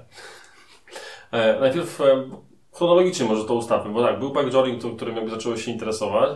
E, pojawił się sklep Zero DC, chyba. No to tak równolegle, więc ja bym tak powiedzmy aż dokładnie nie sięgał, bo nie, nie zrobiłem sobie ściągawki, ale e, e, wracając do, znaczy idąc tropem tym rowerowym, to był e, sklep z oponami rowerowymi, czyli biketires.pl. To było pierwsze. Tak, tak, było jakoś tam równolegle powiedzmy. Biketires.pl i on był takim przez, przez chwilę takim głównym głównym e, źródłem mojej aktywności biznesowej. E, I to było związane z tym, że interesował mnie e-commerce i chciałem też rozwijać się w tym kierunku, ale ze względu na to, że mm, nie miałem możliwości kapitałowych, na przykład, żeby otworzyć drugie centrum rowerowe, to wcześniej chciałem znaleźć dla siebie taką niszę i wymyśliłem, że może właśnie pójść w kierunku tych opon rowerowych i zrobić sklep taki specjalizujący się, a też jakby E, cały czas ten temat doboru opon e, był takim e, no, pewnym, pewnym tematem wałkowanym na tych wszystkich forach. Jeszcze wtedy Facebooka nie było, no to przed wyścigami ugolonki tam wszyscy świętej pamięci Jurka Krzemińskiego dopytywali, no jakie opony, co jaki tam bieżnik, ten, taki bieżnik, no, tak, tak, tak, no to tak jakby sobie pomyślałem, że, że no to może być ciekawy temat, no taki trochę specjalistyczny, że tutaj jakby można można e, e, jakoś... No, temat niezwykle istotny. Tak. Zresztą jesteśmy kilkanaście lat później i dzisiaj nadal jest temat, jak, jakie opony, jakie ciśnienie. No, tak, ale tutaj to, się nic nie zmieniło. Tak, to też chodzi o to, że, że coś tam się dzieje, że ja tak jakby też szukałem jakiegoś takiego wyzwania, że nie tylko czymś tam handlować, nie tylko przerzucać jakieś graty, ale też żeby właśnie była jakaś tam do tego jak, trochę takiej magii, żeby można było też samemu się rozwijać i y, też ludziom doradzać i żeby to właśnie była troszkę taka y, temat taki ekspercki, tak? I, i, no i to tak jakoś tam zadziałało działało, nawet mhm. E, ten sklep sobie działał, on w zasadzie do, w jakimś tam stopniu do tej pory istnieje, ale też jakby szukałem jakichś wyzwań, interesowało mnie mm, dystrybucja, e, chciałem wprowadzać marki na rynek e, i mm, też interesował mnie temat naturalnym rozwojem z opon, było uszczelnianie tych opon, Także to wszystko ewoluowało po jakichś nieudanych próbach dystrybucyjnych właśnie w stworzenie marki Trezado, e, do, do czego pewnie e, e, zmierzałeś, a generalnie jakby to Trezado jest teraz taką główną moją formą aktywności na właśnie w świecie rowerowym i też to ze względu na to, że Trezado powstało, to też jakby dalej trzyma mnie tak w, w tym, w tym środowisku rowerowym i Dlatego tam jak rozmawialiśmy o, o startach, no to tak naprawdę czy, czy ja startuję, czy nie, czy jakby jestem ze sportem w danym momencie związany, bo to wiadomo też w czasie się zmienia, no to i tak jestem o wiele mocniej związany, bo jestem uszczelniony z tym sportem poprzez mleko i, i tak e, ciężko mi się oderwać. E, ostatnie dwa lata e, tej pandemii e, mocno jakby rozbujały rynek rowerowy w, w Polsce. Mm, mieliśmy tutaj różnych gości. E, Przemidłowa teraz Monika e, Wietrowska, która tutaj była. To rowerzystka, ale, ale fajna dziewczyna. Zrobiła sobie potężnego, dwutygodniowego chyba tripa z Wiednia przez Włochy ze znajomymi, więc, więc też można powiedzieć kilometry w nogach. Ale kiedy zeszliśmy na te takie bardziej, można być techniczne rzeczy właśnie, jak e, SPD, uszczelniacze, no okazało się, że tak naprawdę ta wiedza dociera do, do rowerzystów, mimo tego, że, że jest boom rowerowy, nie? Więc jakby to pokazuje potężny potencjał e, dla, e, dla, dla Twojej kategorii w ogóle i, i pytanie, jak, jak Ty to postrzegasz i jak to czujesz w ogóle? Yy, znaczy, jeżeli chodzi o same, same tematy uszczelniania kół, no to jakby staje się to standardem. Znaczy, staje to się standardem od kilku lat i w zasadzie no, ciężko powiedzieć, czy się już stało, czy, czy się nie stało. Myślę, że to wiąże się z tym nawet nie to, czy, e, czy się powinno, czy nie powinno uszczelniać koła, tylko po prostu jest to kwestia tego, że ktoś jak wchodzi w ten rower, to nie, nie od razu jakby łapie takie niuanse, że to nie od razu w ogóle wie, że co, takie rzeczy się robi. I myślę, że po prostu jeżeli ktoś sportowo podchodzi do tematu uszczelniania, to wcześniej czy później tego dotyka, tak? A, więc dopóki jest jakiś, jakaś rotacja, dopóki jest ruch w, w sporcie, w jeżdżeniu e, nie tylko wyczynowym, ale powiedzmy no, na rowerach e, takim o, o takim przeznaczeniu sportowym, e, mhm. czy to jest właśnie, czy to jest, czy to jest jeżdżenie dla, na, na wyścig, czy dla własnej przyjemności, to na pewno będzie zapotrzebowanie na takie rzeczy jak Trezado, czyli na, na uszczelniacze, produkty do uszczelniania kół. No i tutaj jakby raczej widzimy, widzimy z roku na rok, że, że jakby sprzedaż nam wzrasta, jest zainteresowanie, tym bardziej, że my sprzedajemy głównie na rynku polskim, niewiele sprzedajemy za granicą, więc skoro ten nasz rynek cały czas jeszcze się nie wypełnił, to znaczy, że chyba jest miejsce i myślę, że tutaj raczej optymistycznie e, podchodzę do tematu. Zabezpieczamy się też przed tym, gdyby się okazało, że, że już wszyscy uszczelnili e, i już nie potrzeba więcej, no to też jakby zajmujemy się dystrybucją, kilka marek sprowadzamy też do Polski, ale jakby cały czas e, no, mleka produkujemy tysiące litrów, tak? Co roku wypuszczamy tysiące litrów na rynek i, i to Stajesz wszystko. się potężną mleczarnią. Tak, tak. Ja zdecydowanie mogę powiedzieć, że jestem e, naczelnym mleczarzem kraju. E, tak o sobie czasami myślę, jak e, nie mam nic, nic pożytecznego do roboty. E, więc, więc tutaj na pewno można przyjąć, że no wiadomo, są takie marki jak Cross, czy na przykład NS Bikes, tak, które są takie synonimem polskiej, polskiej, no, polskiego przemysłu rowerowego. No ale myślę, że Trezado też jakiś tam e, Nie masz kompleksów. tak, nie mam kompleksów, jak na moje możliwości właśnie kapitałowe, na nasz, na, na nasz potencjał też ludzki. Wydaje mi się, że rozwinęliśmy całkiem fajnie i markę, i firmę jako taką, e, że te parę osób, które tutaj ze mną pracuje, e, myślę, że pozytywnie też o tym e, wszystkim myśli. Ale Trezado to też nie tylko uszczelniacze. E, Tak, ale to ale głównie, tak. E, Generalnie powiedzmy, że jeżeli chodzi o produkty, które pod tą marką można e, dostać, no to w większości wiąże się to, może nie, nie są to stricte tylko pr- płyny uszczelniające, ale generalnie obraca się to właśnie dookoła uszczelniania kół, czy są to taśmy, czy są to zawory, czy właśnie mleko, czy narzędzia, załóżmy, no ale zdecydowana większość to, to gdzieś tam pierwiastek, pierwiastek tych kół opon w sobie ma. No właśnie, a ten patent, y, ja to nazywam z tym wąsem. Coś, co z- Szydło. z zagranicy. Szydło. Ten Samurai Sword. No właśnie, to, to o to też mi chodziło i pamiętam, że, że wyposażyłem się w szydło Trezato przed wyjazdem na Islandię, zabrałem i do dzisiaj nie wiem, gdzie to się podziało. Ważne, że się nie, nie przydało. To jest tak jakby. Tak, tak, no to z, najważniejsze. Z, z, z, przygotowany na najczarniejszy scenariusz. z naszymi produktami i z ich specyfiką e, właśnie jest związane to, że najlepiej, jeżeli nie są potrzebne, tak? E, I e, tutaj na przykład mamy taki produkt, który nazywa się Turbo Repair. To jest e, spray, gdzie pod ciśnieniem jest właśnie płyn uszczelniający E, i e, ja go nazywam, że to jest dętka stópki. E, To jest taka nasza właśnie nazwa powiedzmy robocza tego produktu i to jest na przykład taki produkt, który właśnie tak jak mówisz jedziesz na Islandię, to oprócz szydła powinien zabrać e, Turbo Reapera i Turbo Reaper to coś, co generalnie jakby wydaje się, że jednym jest z takich najfajniejszych e, produktów, bo to na przykład no, zmienia, to jest coś, co generalnie zmienia jakby całkiem e, takie przygotowanie, pakowanie do wyjazdu, czy to na wyścig, czy to właśnie na single, czy gdzieś tam na, e, tak jak w Twoim przypadku na Islandii, tak jak gdzieś tam właśnie na dłuższą jakąś wyprawę, E, czyli takie produkty, które jakby no, takie w zasadzie, takie jak właśnie czy szydło, takie, e, żaden tam wielki cud, tak, żaden, żaden, żadna, żadna, żadna, żadna wielka myśl techniczna nie jest w nim zaklęta, a generalnie Też nic wielkiego w sensie tak, tak. Wrzucasz to, do, wrzucasz to do kieszeni i zapominasz i e, No ja już- może odmienić wyjazd. tak, może uratować przede wszystkim, tak? Tak, tak. Gdzieś tam y, z dala od cywilizacji,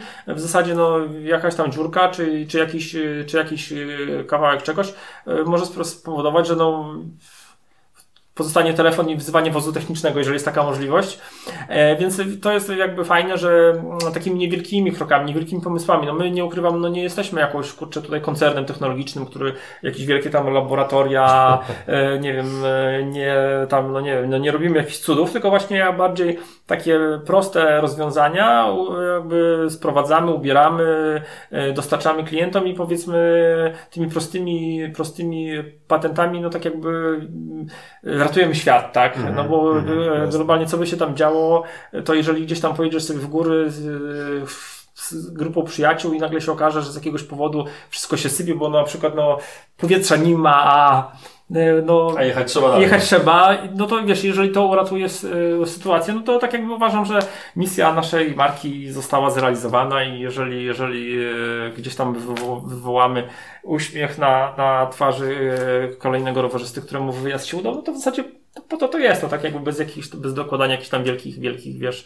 tutaj m, haseł do naszej działalności. Też szykujecie jakiś kolejny nowy produkt, który właśnie będzie zbawiał świat rowerzystów? E, Znaczy generalnie nie planujemy jakichś tam wielkich rewolucji. Moją e, ambicją jakby było kiedyś wypuszczenie naszych opon, e, tak, ale mm, zaczęliśmy współpracować z e, Wolfgangiem Arencem, czyli marką Wolfpack i on generalnie jakby zaspokaja nasze ambicje, bo produkuje najlepsze opony na świecie, co nie jest tajemnicą, jak wiadomo i my te opony możemy importować, dostarczać, więc, więc to jest jakby w ten sposób jakby jedną z takich moich ambicji właśnie twórczych rozwiązałem.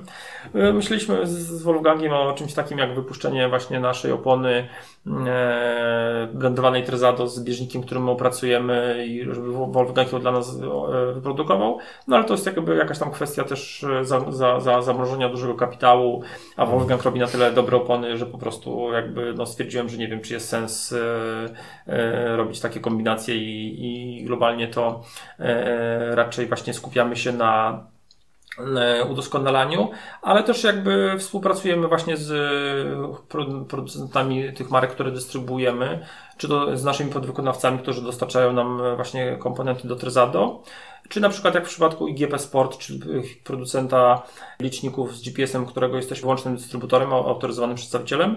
I na przykład z nimi współpracujemy właśnie testując produkty e, i to też czy sami, czy właśnie z, z, tutaj z naszymi ambasadorami e, udoskonalamy te produkty, przygotowujemy e, tłumaczenia, polonizujemy je, więc jakby w naszej pracy jest dużo takiej pracy twórczej, tak? Mhm. I to niekoniecznie związane właśnie z, z, naszymi, z naszymi produktami własnymi, ale właśnie nawet współpracując z, z Chińczykami w tym przypadku, jakby potrafimy znaleźć właśnie e, tą e, taką pracę koncepcyjną, czyli wie, wiemy, że, że jakby e, tworzymy coś swojego, dokładamy włas, własne jakby... No, tłumaczenie z chińskiego musi być czasochłonne. No, generalnie tutaj dzięki, dzięki, dzięki językowi angielskiemu wszystko staje się prostsze, które gdzieś tam wchodzi, mhm. ale bardziej na przykład właśnie to testowanie nowych funkcji, znajdowanie jakichś nowych rozwiązań, czy właśnie nawet jeżeli coś sami wpadniemy na coś, co można byłoby zrobić lepiej, e, to jakby daje bardzo dużo satysfakcji w takiej pracy zawodowej.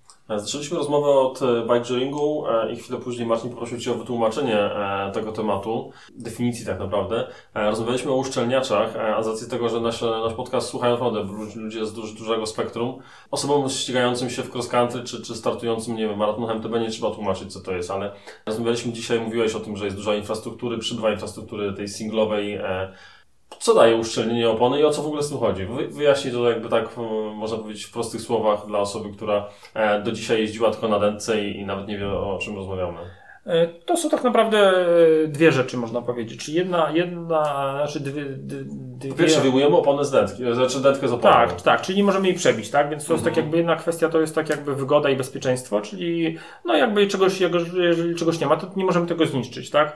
E, oczywiście można przebić oponę tak bardzo, że e, nawet to mleko nie zaklei, ale... Co to szydło. E, no i mamy Turbo Reapera też, tak? Czyli, czyli dętkę stópki. E, I e, rzadko się to zdarza, tak? To już naprawdę trzeba mieć grubego niefarta. No ale no wiadomo, wszystko da się zniszczyć, więc pewnych rzeczy nie, nie unikniemy. Ale mogę powiedzieć, że załóżmy jeżdżąc na dętce, no to gdzieś tam przy powiedzmy odrobinie szczęścia, no łapie się tam kapcia na przykład dwa razy w roku, tak? No to na przykład przy jeżdżąc na bezdętce łapie się kapcia raz na dwa lata. E, takiego, że trzeba zejść z roweru i coś tam zrobić. No dętka też waży, pamiętajmy o tym. No prawda? oczywiście, to jest tak jakiś tam kolejny, kolejny e, argument, ale e, ważne jest to, że dużo tych uszkodzeń, uszcze, takich przebić, mleko zakleja samo i my o tym nie wiemy, tak? Czyli takie przebicia, gdzie już to mleko sobie nie poradzi, zazwyczaj zdarzają się wtedy, kiedy dopuścimy do tego, że ono już całkiem wyschnie, bo mleko mhm. jest płynem i z czasem wysycha, więc musimy je uzupełniać. No tak jak na przykład olej w silniku, on też nie jest dany raz na, na wieczność. E, też Zwłaszcza w pasacie wtedy i... Tak, też o, tym, też o tym nie wszyscy pamiętają, ale niestety tak jest. Więc, więc płyn uszczelniający też trzeba uzupełniać i całe szczęście, bo dzięki temu on się zużywa i jakby trzeba go potem e, też uzupełnić e, w zakupie. I więc jakby z jednej strony jest to takie ta wygoda i bezpieczeństwo, bo E, nie ma dętki, nie ma, nie ma, mhm. nie ma z, tym, z, z tym właśnie Nie ma znaku, że się wiedzie w jakieś róże, krzaki, to, to już jest Dokładnie. Nawet tego nie zauważymy nawet, tak naprawdę. Dokładnie. I to jest tak jakby powiedzmy, to jest ta korzyść, która jest dla każdego użytkownika. A dodatkowo dla to, to co, o czym wspomniałeś, czyli waga, ale przede wszystkim e, to, co wykorzystują e, sportowcy, no to to, że jeździmy wtedy, możemy jeździć na niższym ciśnieniu, czyli ta przyczepność, większy komfort z jazdy, no możliwości dzięki temu szybszej, szybszej, szybszej jazdy, bo, bo nie odbijamy się, tylko przyklejamy się do, do podłoża, do nierówności. E, I to jakby jest w pewnym sensie chyba nawet ważniejsza korzyść czyli generalnie, że ten rower jest y, można powiedzieć, że jakby po zmianie e, systemu z dętkowego na bezdętkowy, tak jakby zaczynamy w ogóle czerpać zupełnie nowe bodźce z tej jazdy, tak, że to jazda zmienia się diametralnie. E, można powiedzieć, że ta zmiana to jest to, co najbardziej odczujemy y, zmieniając coś w rowerze, tak? Czyli wiadomo, że są takie kamienie milowe, jak na przykład pedały zatrzaskowe, które wiele zmieniają w postrzeganiu jazdy. E, kolejne to tam na przykład koło 29 cali, czy, czy karbon, e, tak? I, ale ja bym właśnie technologię bezdętkową dokładnie zapisał e, w jednym szeregu z tymi, z tymi takimi kamieniami milowymi w rozwoju kolarstwa górskiego. I to jest jedna rzecz, przepraszam, którą z Margo Terzado wchodzisz w obszar, którego jako, jako osoba aktywna nie uprawiasz, czyli w kolarstwo gravelowe i przełajowe. No tak. Tutaj jako tych bezdętek jest też dużo. E, no tak, tak, no ale to w zasadzie w każdym, w każdej, w każdym kolarstwie już teraz e, są bezdętki, e, no i nawet w szosie, tak. To, także tak. także mhm. e, są pewne bastiony, gdzie to kolarstwo, gdzie, gdzie ta technologia bezdętkowa w zasadzie króluje, czyli przede wszystkim kolarstwo górskie, czy to właśnie e, grawitacyjne, czy, czy XC, czy maratony. I są takie, są takie mm, formy kolarstwa jak przełaj czy szosa, gdzie bardziej nieśmiało jakby wchodzimy z, z tematem, ale jak najbardziej, jak najbardziej, e, jak najbardziej już też tam używa się tych technologii. Chociażby też e, pojawiają się te wkładki, które też mamy w naszej ofercie, wkładki mm, do opon bezdętkowych. Nie są to wkładki bynajmniej antyprzebiciowe, tylko wkładki antydobiciowe. E, I zmierzam do wkładek dlatego, że właśnie wkładki pojawiają się już w rozmiarach od szosy w zasadzie, czy od przełaju, mhm. do, poprzez gravela, X Enduro, do opon y, tam downhillowych, no, czy tam opon plusowych, jakby mhm. je tam nazwę, czyli, czyli, czyli w zasadzie już nie ma takiego, takiej szerokości czy, y, opon, czy takiego, takiego rodzaju kolarstwa, gdzie tych technologii bezdętkowych by się nie używało. Mhm. Ale wracając do mleka, wracając do uszczelnienia, no, warto podkreślić, że nie każda obręcz jest przystosowana do tego systemu, prawda? Tak, oczywiście. To szczególnie w, no, w przypadku tych najtańszych rowerów, kiedy, kiedy jest to podstawowa obręcz, która jakby no nie, nie jest tam, e, nie, którą trudno jakby zahaczyć, e, czyli że opona się nie zatrzaskuje w obręczy, ale no też z drugiej strony w zasadzie każdą obręcz da się uszczelnić, no tylko pytanie, czy mamy, chcemy poświęcić na to na przykład dwa dni. Są takie opony i obręcze, które właściwie, które są tak spasowane, że w zasadzie robimy to zwykłą pompką. E, no i też takie rzeczywiście my tak rekomendujemy, żeby, żeby do, e, no kiedyś, kiedy te technologie wchodziły, kiedy był mały wybór, no to rzeczywiście trzeba było troszkę improwizować i robić tam różne cuda, a teraz już e, w zasadzie jest bardzo duży wybór no, w tych rowerach ze średniej czy niższej półki, również o obręczy opon dedykowanych do uszczelnienia. One są zazwyczaj sygnowane tą nazwą Tubeless Ready i wtedy to uszczelnienie jest takie no, bardzo przyjemne, szybkie i tutaj zdecydowanie nie nas nastręcza to trudności w montażu. Wspomniałeś, Michał, e, że uszczelniacz jako, jako kategoria, jako produkt e, jest jednym z takich game changerów, jeśli chodzi o komfort jazdy i w ogóle o ewolucję sprzętu, jeśli chodzi o kolarstwo górskie. I tak pomyślałem właśnie wracając do bike joringu, bo zaczynałeś w czasach, kiedy był rower 26-calowy, potem były średnie koła, potem 29 cali. Na ile to wpłynęło w ogóle na rywalizację sportową? Na ile, e, tak jak wspomniałeś, też rośnie średnia prędkość w bike? E, jak to, jak to ewoluowało ze strony sprzętowej i jak to miało wpływ na to wszystko? Znaczy tutaj e, to zależy dużo od trasy, tak, no ale też no, te trasy w bikejourningu akurat nie są takie jakoś bardzo skomplikowane nawierzchniowo, e, więc paradoksalnie to akurat w bikejourningu może to uszczelnienie aż tak wiele nie zmienia. No, aczkolwiek wiadomo, że teraz już... Znaczy nie, już nie mówię tylko o szczeniaczach, mówię o kołach 26-29, o, o nie wiem, droperach, o tych wszystkich rzeczach, które się na przestrzeni lat wyda wydarzyły, nie? No, czy też jest tak, że można przyjąć, że powiedzmy ci zawodnicy, którzy się liczą, czyli czołówka powiedzmy korzysta z tych nowinek, tak? Więc tutaj ciężko powiedzieć, żeby na przykład e, miało taki znaczący wpływ na, na rywalizację, no bo można przyjąć, że powiedzmy, że te nowości, czy nowe rozwiązania techniczne, które wchodzą, one są dostępne dla wszystkich, tak? To też nie jest jakaś tam to też nie jest jakaś tam blokada cenowa, tak, no bo czy uszczelnianie kół, czy przejście na rok albo nową ramę, no to nie są, to nie jest, to nie są jakieś takie budżety, żeby mhm. na przykład, no nie wiem, stać było tylko najlepsze ekipy yy, na, na te rozwiązania, więc tutaj raczej nie ma czegoś takiego, że postęp techniczny na przykład eliminował niektórych zawodników, bo nie wszyscy sobie mogli pozwolić. Mhm. Yy, można tutaj wiadomo, ewentualnie na przykład jakaś tam walka yy, wagowa, tak, może kosztować, ale mhm. tak jak pokazuje przykład właśnie Cypriana, o którym rozmawialiśmy, no nie jest jest to, e, nie, ta waga jakby nie, nie robi e, takiej selekcji. Tym bardziej, że wyścigi zazwyczaj odbywają się jednak w miarę po płaskim terenie, a jak wiadomo, no, fizyka jest tutaj prosta i ta masa po płaskim nie robi takiej, nie, nie jest w stanie zrobić takiej różnicy, tym bardziej, że to też nie są różnice kilogramów, tylko mm zazwyczaj właśnie jakieś tam no, kilkudziesięciu czy, czy kilkuset gramów i powiedzmy przy w miarę lekkich kołach, no to już ta, ta jakby masa całości no nie robi takiego, tak, takiej różnicy, na przykład chociażby bardziej widziałbym tutaj e, kwestię solidności, tak, czyli na przykład właśnie ewentualnie to, co się zdarzało, załóżmy sam no, złamałem, złamałem kierownicę w tym roku na wyścigu, więc e, osobiście no, uważam, że e, jeżeli chodzi na przykład o karbonowe komponenty, to nie szedłbym w, w kierunku najlżejszych. Takie wylajtowanie. Tak, mm. tak, tak, bo jednak, jednak też ten wchodzi element właśnie wytrzymałości i solidności. Więc tutaj jakby no, oczywiście testujemy, wprowadzamy te wszystkie, wszystkie ciekawe rozwiązania, ale tak jak widzę, no mniej więcej cała czołówka robi to w, w miarę podobnym czasie, więc nie, nie, nie, nie, nie zmienia to układu sił. Mhm. Ta pęknięta kierownica to efekt y, kraksy, wypadku, czy, czy po prostu przeciążeń?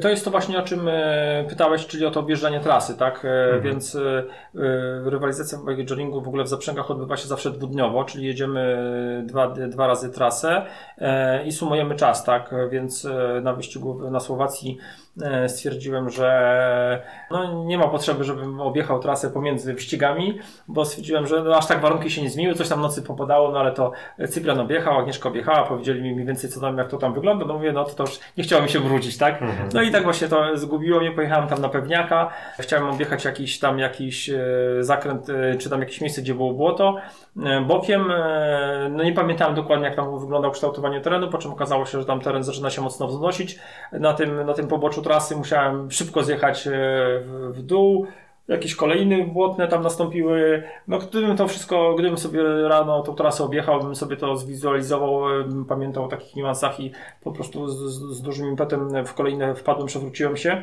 No i gdybym jechał solo, gdyby to był zwykły wyścig, to prawdopodobnie skończyłoby się na, na, na ubrudzeniu a tam e, dołożony do tego wektor siły psa e, spowodował, że po prostu e, kierownica no, pękła, w ogóle to nie było nawet, to było mgnienioka, nawet nie było tam jakby czasu na jakąś tam reakcję. No tyle miałem szczęście, że pękła nie przy mostku, tylko pękła przy, przy odłamał się grip, także mhm. po prostu złapałem kabel od hamulca w rękę, końcówkę kierownicy, wpiąłem licznik, który całe szczęście dyndał na smyczce, bo od, od jakiegoś czasu właśnie włożę licznik na smyczce.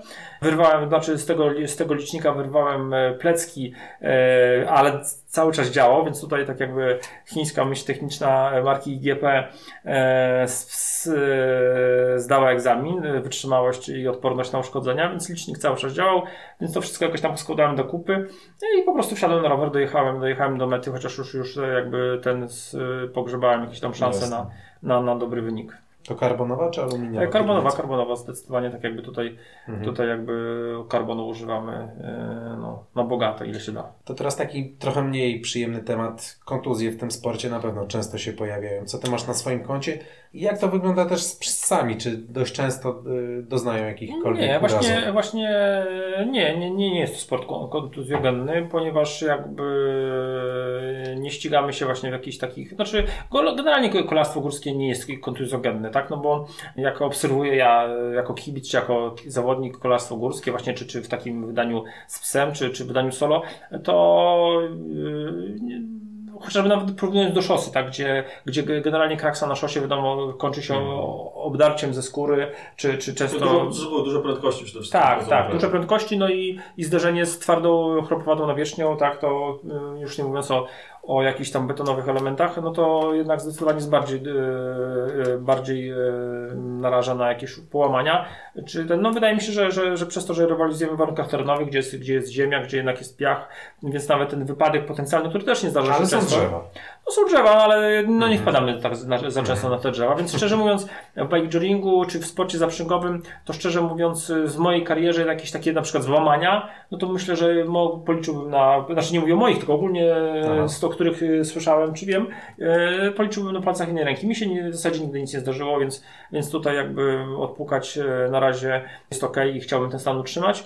Prędzej właśnie już, y, jeżeli to y, zdarzają się kontuzje u psów związane y, no, z jakimś na przykład tym, że y, no, człowiek mniej więcej y, wie, że czy, czy w jakimś tam etapie trzeba odpuścić, a pies generalnie cieszy się tą, tym ruchem, lubi to, to też są psy dynamiczne, duże, które ważą tam około 30 kg, w zasadzie składające się z samych mięśni, więc po prostu no, zdarza się, że, że, że, że przesadzą z, z swoją aktywnością, czy na przykład na coś tam na, wpadną, e, roz, rozetną skórę. No i tutaj z tym się musimy jakby borykać. Wiadomo, że to potem wiąże się z jakąś pauzą w treningu. No psu też jakby nie powiemy, że teraz to dwa tygodnie siedzisz w łóżeczku i się nie ruszasz, czy tam na przykład nie chodzisz, no nie. To jest właśnie bardzo duży problem z wszystkimi kontuzjami aparatu Pan- ruchu. Pan Kotek jest chory i Tak. leży w łóżeczku. Tak, że potem po prostu trzeba na przykład właśnie od, o- od, y, dać odpocząć kończynie. E, No to jest to jakieś tam wyzwanie, no każdy jak, jakoś musi sobie z tym poradzić, e, więc, więc jakby trzymam kciuki za siebie i innych zawodników, żeby tych kontuzji po prostu było jak najmniej. Tak, przyszedł jeszcze jedna rzecz właśnie w kontekście nawet tego mm, incydentu z złamaną kierownicą, e, bo w sumie rozmawiamy do bikejoringu bardzo długo. E, czy to w ogóle jest medialna e, dyscyplina? Czy to jest tak, że e, tam, gdy miałeś ten swój upadek, to było gdzieś w lesie, w środku trasy i, i generalnie musiałeś, byłeś zdany sam na siebie? Czy są sędziowie, ratownicy, kibice? E, czy to jest tak, że wjeżdżasz w las i wyjeżdżasz po 8 minutach? Generalnie, to wiadomo, nie ma tam szpoleru kibiców przez całą trasę, tak? E, Na takich dużych zawodach jest dużo ludzi, ale to są zazwyczaj jednak e, ekipy, rodziny. Mhm. No nie ma, nie, nie, nie ma jakichś takich dużych tłumów. No, Czy trochę nasze polskie cross country też? No coś takiego, no. Z mojej, z mojej kariery powiedzmy to mogę w takie dwa wyścigi w zasadzie wspomnieć, gdzie było dużo ludzi, tak? Jeden to wyścig w Korczewie nad Bugiem, tam w okolicy Siedlec. I tam zawsze, nie, nie wiem dlaczego, być może to po prostu, no nie było tam wiele atrakcji, ale tam zawsze były takie tłumy, że po prostu nie dało się dojść na, na start. Także trzeba było się przepychać po prostu wśród tłumu e, między ludźmi, żeby, żeby po prostu dotrzeć i generalnie w różnych dużych, mniejszych miejscowościach jakby są rozgrywane wyścigi, a w Korczewie nad Bugiem no zawsze były po prostu tłumy. Tam naprawdę były tłumy na tych wyścigów, więc to jest trzeba zrobić jakiś odpust. Nie, bo to było w zimę czy coś takiego, no po prostu być może to była jakaś tam atrakcja i po prostu rzeczywiście ci Mhm. ludzie tam no, nie mieli jakby innych, innych ciekawych rzeczy, więc to, to, to, to, to ich tam ściągało. No i drugi taki wyścig, gdzie też dużo ludzi zawsze przyjeżdżało, to było w Bydgoszczy na Myślęcinku, tak? Mhm. A globalnie to raczej no, nie ma tłumu, więc, więc jakby sam, sam wyścig jako taki y, no, nie, nie generuje jakiegoś takiego y, zainteresowania wielkiego. No, mm, potem po wyścigu wiadomo każdy na własną rękę, czy też w jakiś tam sposób zorganizowany możemy to wytworzyć y, zainteresowanie medialne lub nie. No, tutaj tak jakby y, jest ta y, moja współpraca z Tobą, Mhm. gdzie ja co prawda nie jestem rzecznikiem prasowym, ale zawsze staram się opisać całą rywalizację, tak? Tak, tak, Czyli- czyli kontekst cały. tak, czyli to, co właśnie fajnie wyszło w zeszłym roku po mistrzostwach, po mistrzostwach Polski, gdzie rzeczywiście jestem zadowolony z tej, z tej, z tej relacji, jak, w jaki sposób to zostało napisane. Ale to powiedzmy, dotykamy tutaj do, ogólnie do tematu współpracy z mediami. Mhm. No i e, pewnie nie wszyscy wiedzą o tym, ale jakby samo się nic nie zrobi, tak? Więc, Tak, więc tak. jeżeli, jeżeli albo mogą to sami zainteresowani, czyli my zawodnicy pisać, no jeżeli jest to jakiś tam związek sportowy duży, gdzie jest rzecznik prasowy, który takie relacje przygotowuje i materiały dla mediów tworzy, to no one potem te media to napiszą lub nie, więc to jest kwestia e, widowiskowości czy takiej medialności. No tak jak każdy inny sport, Mhm. no jest to jakiś e, potencjał, materiał do obróbki i no i pytanie, Mhm. co się z tym zrobi, czy się po prostu o tym pisze, czy się temat ciągnie, czy się Mhm, mhm. przygotowuje te jakieś tam e, zestawy prasowe. No są na pewno fajne zdjęcia, powstają, no bo, bo jest to dynamiczne, jest to takie no, bardzo wizualne, bardzo fajnie. I zawsze pies jest na pierwszym planie. Dokładnie, fajnie te psy się przy pracy ogląda. Te języki wywalone, tak. Dokładnie, ale to jest tylko taki punkt wyjścia i można z tym coś zrobić, albo, albo nic nie Mhm. zrobić, wtedy w zależności od tego, albo ta dyscyplina będzie zdobywała na pol- popularności, albo nie. Wiadomo, są tutaj takie osoby, które jakąś tam tą y, swoją obecność w mediach zbudowały, ale no jakby większość zawodników niestety jakby no nie ma takiego przybicia, czy nie ma do tego energii, więc tutaj tak jakby no jeszcze wiele na pewno do zrobienia. Wracając jeszcze do tej kwestii właśnie sędziowania i zabezpieczenia medycznego, jakby na trasie są osoby, które kontrolują Twój przebieg, Twój przejazd, Ma- jest to jakoś nadzorowane? Znaczy, yy, jest yy, w zależności od tego, jak trasa wygląda. Jeżeli jest Mhm. taka potrzeba, żeby była zabezpieczona trasa, bo na przykład gdzieś tam krzyżuje się z jakimiś drogami, czy, czy, Mhm. czy nie, no to wiadomo, jest tam jakaś obsada, jacyś strażacy, jakie, ja- osoby przygotowane, zabezpieczone przez or- organizatora. E, Jest tam pomiar czasu elektroniczny zazwyczaj, więc e, jakby ten pomiar czasu kontroluje, jest jakieś międzyczasy na przykład. Mhm. Czyli jest to tak zorganizowane, że, czy jakiś punkt kontrolny sędzią, tak żeby, e, żeby no raczej nie ma zwyczaju skracania trasy. Mhm. Mniej więcej wiemy, ile ten czas, e, e, ile ten e, dana trasa powinna zająć danemu zawodnikowi, więc tutaj jakby no bardzo łatwo jest to tak jakby zweryfikować jakieś tam e, ewentualne właśnie takie rzeczy. Tym bardziej, że zawodnicy jadą jeden za drugim, więc jeżeli na przykład byśmy nadgonili, no to m, de facto zaraz by któryś z zawodników został wyprzedzony, który by wiedział, że ta osoba go nie wyprzedzała. No technicznie jakby e, ciężko tutaj zrobić powiedzmy coś tam nabroić, e, skracając trasę. Raczej się takie, takiego, takiego problemu nie ma w naszym sporcie. A czy ostatnie 5, może 10 lat bikejoringu w Polsce to jest zdecydowany wzrost popularności tej dyscypliny, czy jakby się tak właśnie cofnął, e, to jest mniej więcej takie samo zainteresowanie? Znaczy, jeżeli chodzi o ilość zawodników, który, która staje na starcie, to powiedzmy jakoś tam mega się nie zmienia. Bardziej bym tutaj e, patrzył na właśnie profesjonalizację i e, podnoszenie poziomu, e, czy to jakby jako dyscypliny ogólnie, czy też naszych zawodników.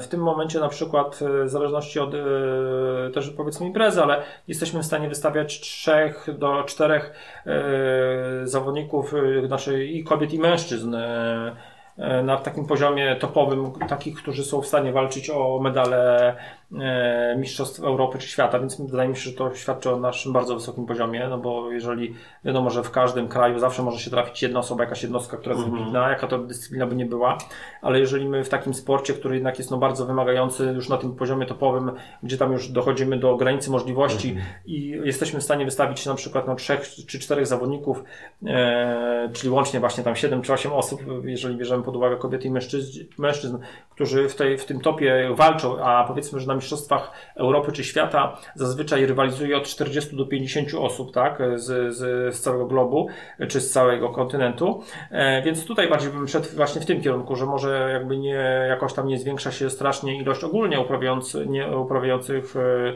e, tą dyscyplinę, czy, czy w ogóle sporty zaprzęgowe, ale właśnie to, że, że profesjonalizujemy się, tak, że, że jesteśmy, zagnieżdżamy się na tym topie i nawet jeżeli jest ta rotacja w reprezentacji, no to, to imponująca jest ta ilość e, zawodników e, z czołówki. Jeszcze jedno pytanie takie czysto techniczne e, odnośnie mm, sprzętu.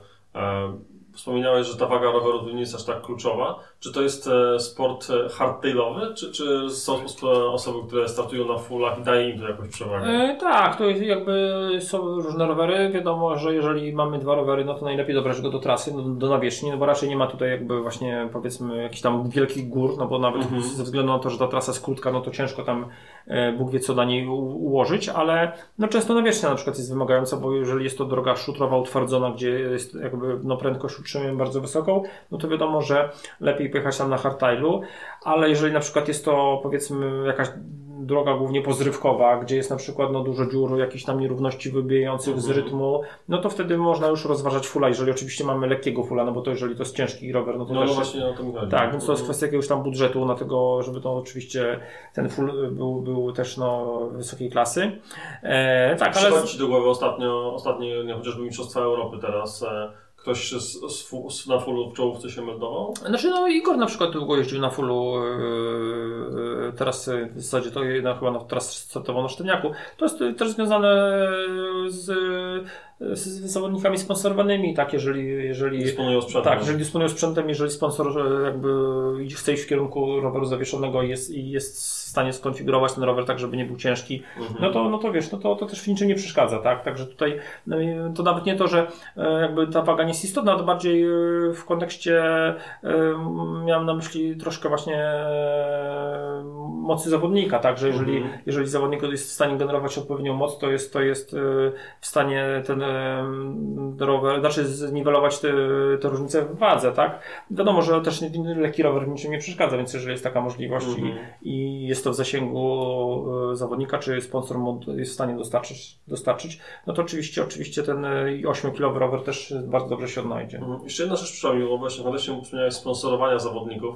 Mm, Bike joring jest e, bardziej atrakcyjną dyscypliną dla firm rowerowych, czy dla firm z branży weterynaryjno, nie wiem, e, psiej? Producentów Znaczy, to, karmy. to, Z kim, z kim, znaczy z Twojego doświadczenia z przestrzeni lat, jakby, które marki są bardziej obecne, z którymi się łatwiej rozmawia, nie wiem, e, jak to u nas bo tu zjawia się w marketingu? Znaczy, wydaje mi się, że generalnie, jeżeli chodzi o tą część weterynaryjno, właśnie karmowo psią, no to tam e, nie ma aż tak dużo sportowców w tej branży, tak? Mhm. Że, że myślę, że łatwiej po prostu, jeżeli ktoś wypracuje sobie twarz, wypracuje sobie jakby markę, no to wtedy, wtedy tam jest większe pole do popisu, tak? No bo w, w branży rowerowej jest dużo sportowców Mhm. e, no, z różnych dyscyplin i jest na pewno większa konkurencja o, Mhm. o dobrych sponsorów, e, więc to jest tutaj kwestia tego wypracowania sobie no, jakieś siły przebicia. Mhm. Ale e, to, to też to nie koliduje, no bo to są jakby nie, z kolei nie, no, nie, nie konkurujące ze sobą marki, więc Mhm. znamy tutaj wiele przykładów takich zawodników, którzy jeżeli oczywiście chcą pracować ze sponsorami i chcą w ten sposób pozyskiwać środki na, na, na, na prowadzenie swojej działalności sportowej, no to pracują właśnie z, z, i z tą branżą, i z tą branżą. Mhm. Kończąc powoli, myślę, że wątek bikejoringu już tak definitywnie. Jeśli ktoś zap- zapałby takiego, nie wiem, bakcyla, czy chciałby w ogóle spróbować swoich sił, dokąd miałby się skierować, nie wiem, w polskim internecie, nie wiem, e, jak, jak byś pokierował taką osobę, która chciałaby po prostu sprawdzić w ogóle, czy to jest coś dla niej? Tak modelowo, no to najlepiej, e, jeżeli chcemy zrobić to taką drogą, powiedzmy... Amatorską oczywiście. Tak, ale mam na myśli taki bardziej kontakt, tak, to, to jest strona naszego, naszego związku sportowego, czyli, czyli trzeba byłoby wpisać w goglach e, Polski Związek Sportu Wsi Zaprzęgów. Tam jest, e, tam jest e, kontakt, można czy, czy bezpośrednio skontaktować się z kimś z zarządu związku, mniej więcej do, przy- przedstawić się skąd się jest, tak, no bo to Mhm. głównie chodzi o czynnik geograficzny. I po prostu wtedy, wtedy zostaniemy skontaktowani z osobą, tak, jakimś zawodnikiem, który gdzieś tam w naszym pobliżu Jest mieszka. aktywny, Tak, mhm. tak. I najlepiej po prostu z nim się skontaktować, umówić się na trening, po, porozmawiać, e, po, zobaczyć jak to wygląda Mhm. w praktyce i po prostu poprzez, poprzez właśnie e, tak, taką e, bezpośredni kontakt najlepiej poznać i spróbować zobaczyć, czy to jest dla nas. Nie? Mhm. A jeśli chciałoby się pokibicować, to jaki jest najbliższy kalendarz krajowy, jeśli chodzi o, o eventy? I bikejoringowe, i te, i te, te zimowe narciarskie. No, Znaczy to też, znaczy tutaj właśnie akurat skończył się sezon drylandowy, czyli ten bezśnieżny, więc... Czyli to- Mistrzostwa Polski były zwieńczeniem sezonu. Tak, tak, więc akurat y, do wiosny, bo tam na wiosnę czasami są jakieś zawody, ale no, ten główny sezon to jest październik, listopad, więc akurat jest Mhm. najsłabszy moment do tego, żeby przyjrzeć się tej rywalizacji. Zapraszamy za rok. No, generalnie trzeba zajrzeć na Facebooka, na wydarzenia, e, po, po, po dodawać sobie po prostu jakieś tam kluby do obserwowanych i Mhm. będą te wszystkie zawody wyskakiwały. A na stronie związku też jest kalendarz, z tym, że no, teraz to już właśnie się skończył. Gdzieś tam na wiosnę pewnie się pojawią zawody na, na jesieni. E, Są zawody w Siedlcach, które organizuje nasz klub, gdzie tam oczywiście zapraszam tutaj warszawiaków, bo jest niedaleko. Jest bardzo, bardzo fajna trasa, bardzo fajna rywalizacja, ale generalnie w całej Polsce coś się dzieje. Są jakieś takie stałe miejscówki, jak, jak mamy w cross country, nie wiem, Górale na start Wałbrzych, e, Maja Włoszczowska, Rejs Jelenia Góra. Są takie stałe miejscówki w bikejoringu w Polsce? Znaczy jest e, na początku październiku są zawody w, w Lubieszowie, Dziergowicach, to jest to okolice e, Kędzierzyna Koźla i tam co Mhm. roku już ponad 20 lat są rozgrywane zawody, a tak generalnie to e, jest to różnie, tak? Są powiedzmy zawody na przykład, które kilka razy są organizowane i potem na przykład no, organizator e, gdzieś je przenosi czy rezygnuje, no jakby nie ma takich mm, właśnie aż tak dłu- długich tradycji poza Lubieszowem nie ma w Polsce. E, To też wiadomo, że e, jakby sama organizacja zawodów też jest wyczerpująca i, i na przykład nie, nie każdy klub chce robić to na stałe, tylko na Mhm. przykład e, organizuje to jednorazowo, czy tam raz na jakiś czas, tak. Także, także to e, no, różnie bywa z tą, z Mhm. cyklicznością. Powiedziałeś z taką dużą łatwością, że jeżeli ktoś chce spróbować swoich sił w bikejoringu, żeby odezwał się do związku i że zostanie odpowiednio pokierowany, czyli mogę domniemać, że w e, polskim związku nie uświadczymy kogoś takiego jak leśny dziadek. Leśne dziadki czy działacze to mm, powiedzmy jest taka kategoria, która jest e, no, bardzo właśnie traktowana negatywnie, ale e, generalnie bez takich ludzi, właśnie bez działaczy, e, to żaden, e, żaden związek czy żaden sport nie podziała, tak? Także ja akurat w środowisko e, nasze zaprzęgowe traktuję z taką dużą sympatią i uważam, że po, po, pomimo tam jakichś konfliktów, czy że ktoś tam kogoś nie lubi, to generalnie raczej uważam, że to e, jest, są dobrzy ludzie i, i sympatyczni, lubiący się, więc nie sądzę, żeby jakiś tam adept został pogoniony przez kogokolwiek, ale właśnie pamiętajmy, że bez działaczy nic się nie zadzieje samo, tak? Jeżeli zawodnicy stricte nie będą mieli wsparcia kogoś, kto, tych zawodników zgłosi na zawody, nie wiem, w czasach, kiedy jeszcze mieliśmy dofinansowanie z, z ministerstwa, kiedy na przykład organizowaliśmy zgrupowania dla kadry, że można było się tam rozwijać, jakieś szkolenia dla sędziów, dla trenerów, nawet wyszko wyszkoliliśmy właśnie e, własną kadrę trenerską. I do tego wszystkiego potrzebni są działacze do jakby sędziowania, do zajmowania się dobrostanem psów, do weterynarze. Także e, tutaj oczywiście wiadomo, że możemy sobie tam różnie myśleć o panach z wąsem, którzy różnymi rzeczami się zajmują, ale pamiętajmy, że bez działaczy żaden sport jakby się nie rozwinie. No potrzebna jest ta otwartość, prawda, też. Tak, tak. Potrzebne są dobre chęci, potrzebne są dobre chęci, ale generalnie tak jakby sam start, samo, sam wyczyn sportowy to jest tylko wykończenie pewnej pracy i to jest nie tylko praca właśnie zawodników, ale też jakby praca e, mnóstwa ludzi, e, którzy czy to tam zawody organizują, czy zajmują się właśnie umożliwieniem startu. E, no i czy oni tą pracę wykonują dobrze, czy źle. Pamiętajmy, że zazwyczaj jest to praca nieodpłatna, robiona za darmo, robiona wolontariacko, w wolnej chwili, więc jakby ja generalnie jestem tutaj raczej no, z dużym szacunkiem odnoszę się od osób, które chcą swoją pracę dla innych w wolnym czasie poświęcać i, i wydaje mi się, że właśnie, że tak jak w naszym sporcie, tak jak w żadnym innym bez działaczy nic byśmy nie zdziałali. Wspomniałeś o tym, że kiedyś było dofinansowanie z, z Ministerstwa Sportu, tak? E, tak, tak. Nie było to wielkie dofinansowanie oczywiście, ale było jakieś tam symboliczne. E, byliśmy Polskim Związkiem Sportowym, takim oficjalnie działającym pod nadzorem Ministerstwa Sportu. E, tam parę lat temu, już nie chcę tutaj jakby wchodzić w niuanse, bo też jakby nie, nie śledzę wszystkich tych operacji, ale generalnie związki e, nieolimpijskie zostały e, wykreślone z e, tej listy związków właśnie wspieranych przez ministerstwo. Co ważne, ta dotacja, którą otrzymywaliśmy rocznie na właśnie funkcjonowanie związku, no to była dotacja rzędu tam 100 czy 200 tysięcy, więc to tak jakby w zasadzie pieniądz żaden, jak mhm. wie ktokolwiek, co ma wspólnego właśnie z jaką działalnością e, takiej organizacji.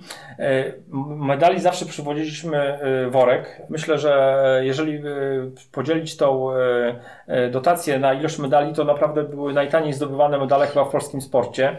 E, tak jak tutaj rozmawialiśmy, to jakby ta sytuacja z tą medalodajnością utrzymuje się od x lat, no nie? Mhm. Więc e, po prostu biorąc pod uwagę jakby no maliznę, jako, jaką śmierdziała ta dotacja, no to naprawdę można było ją proforma utrzymać. E, ci zawodnicy, którzy mieli wsparcie, to wsparcie otrzymywali naprawdę symboliczne, ale zupełnie inaczej się jedzie, wiedząc, że komuś tam przynajmniej trochę zależy na tym, żebyśmy kolejny medal przywieźli i chociażby to było e, opłacenie wpisowego e, na mistrzostwa, które też nie jest małe, bo to jest w granicach 90-100 euro, ale jeżeli e, takie wsparcie było, to już naprawdę zupełnie inaczej się czuliśmy jako właśnie tacy zawodnicy, rzeczywiście reprezentanci, rzeczywiście komuś potrzebni, że, że ktoś tam w tym ministerstwie nas wspiera, więc nie ukrywam, że bardzo to podcina skrzydła takie właśnie, takie właśnie wykopanie. No i nie wiem, mam nadzieję, że może, może tam e, przy którejś e, zmianie ekipy jakby zmieni się polityka i po prostu e, do tego wrócimy. No generalnie chociażby właśnie w kwestii jakiegoś szkolenia, czy właśnie czy, czy, czy dofinansowania tych, tych startów za granicą. Wspominaliśmy tutaj w kontekście pozyskiwania sponsorów firmy weterynaryjne, producentów karm i tak dalej, i tak dalej. Czy związek otacza się takimi właśnie partnerami?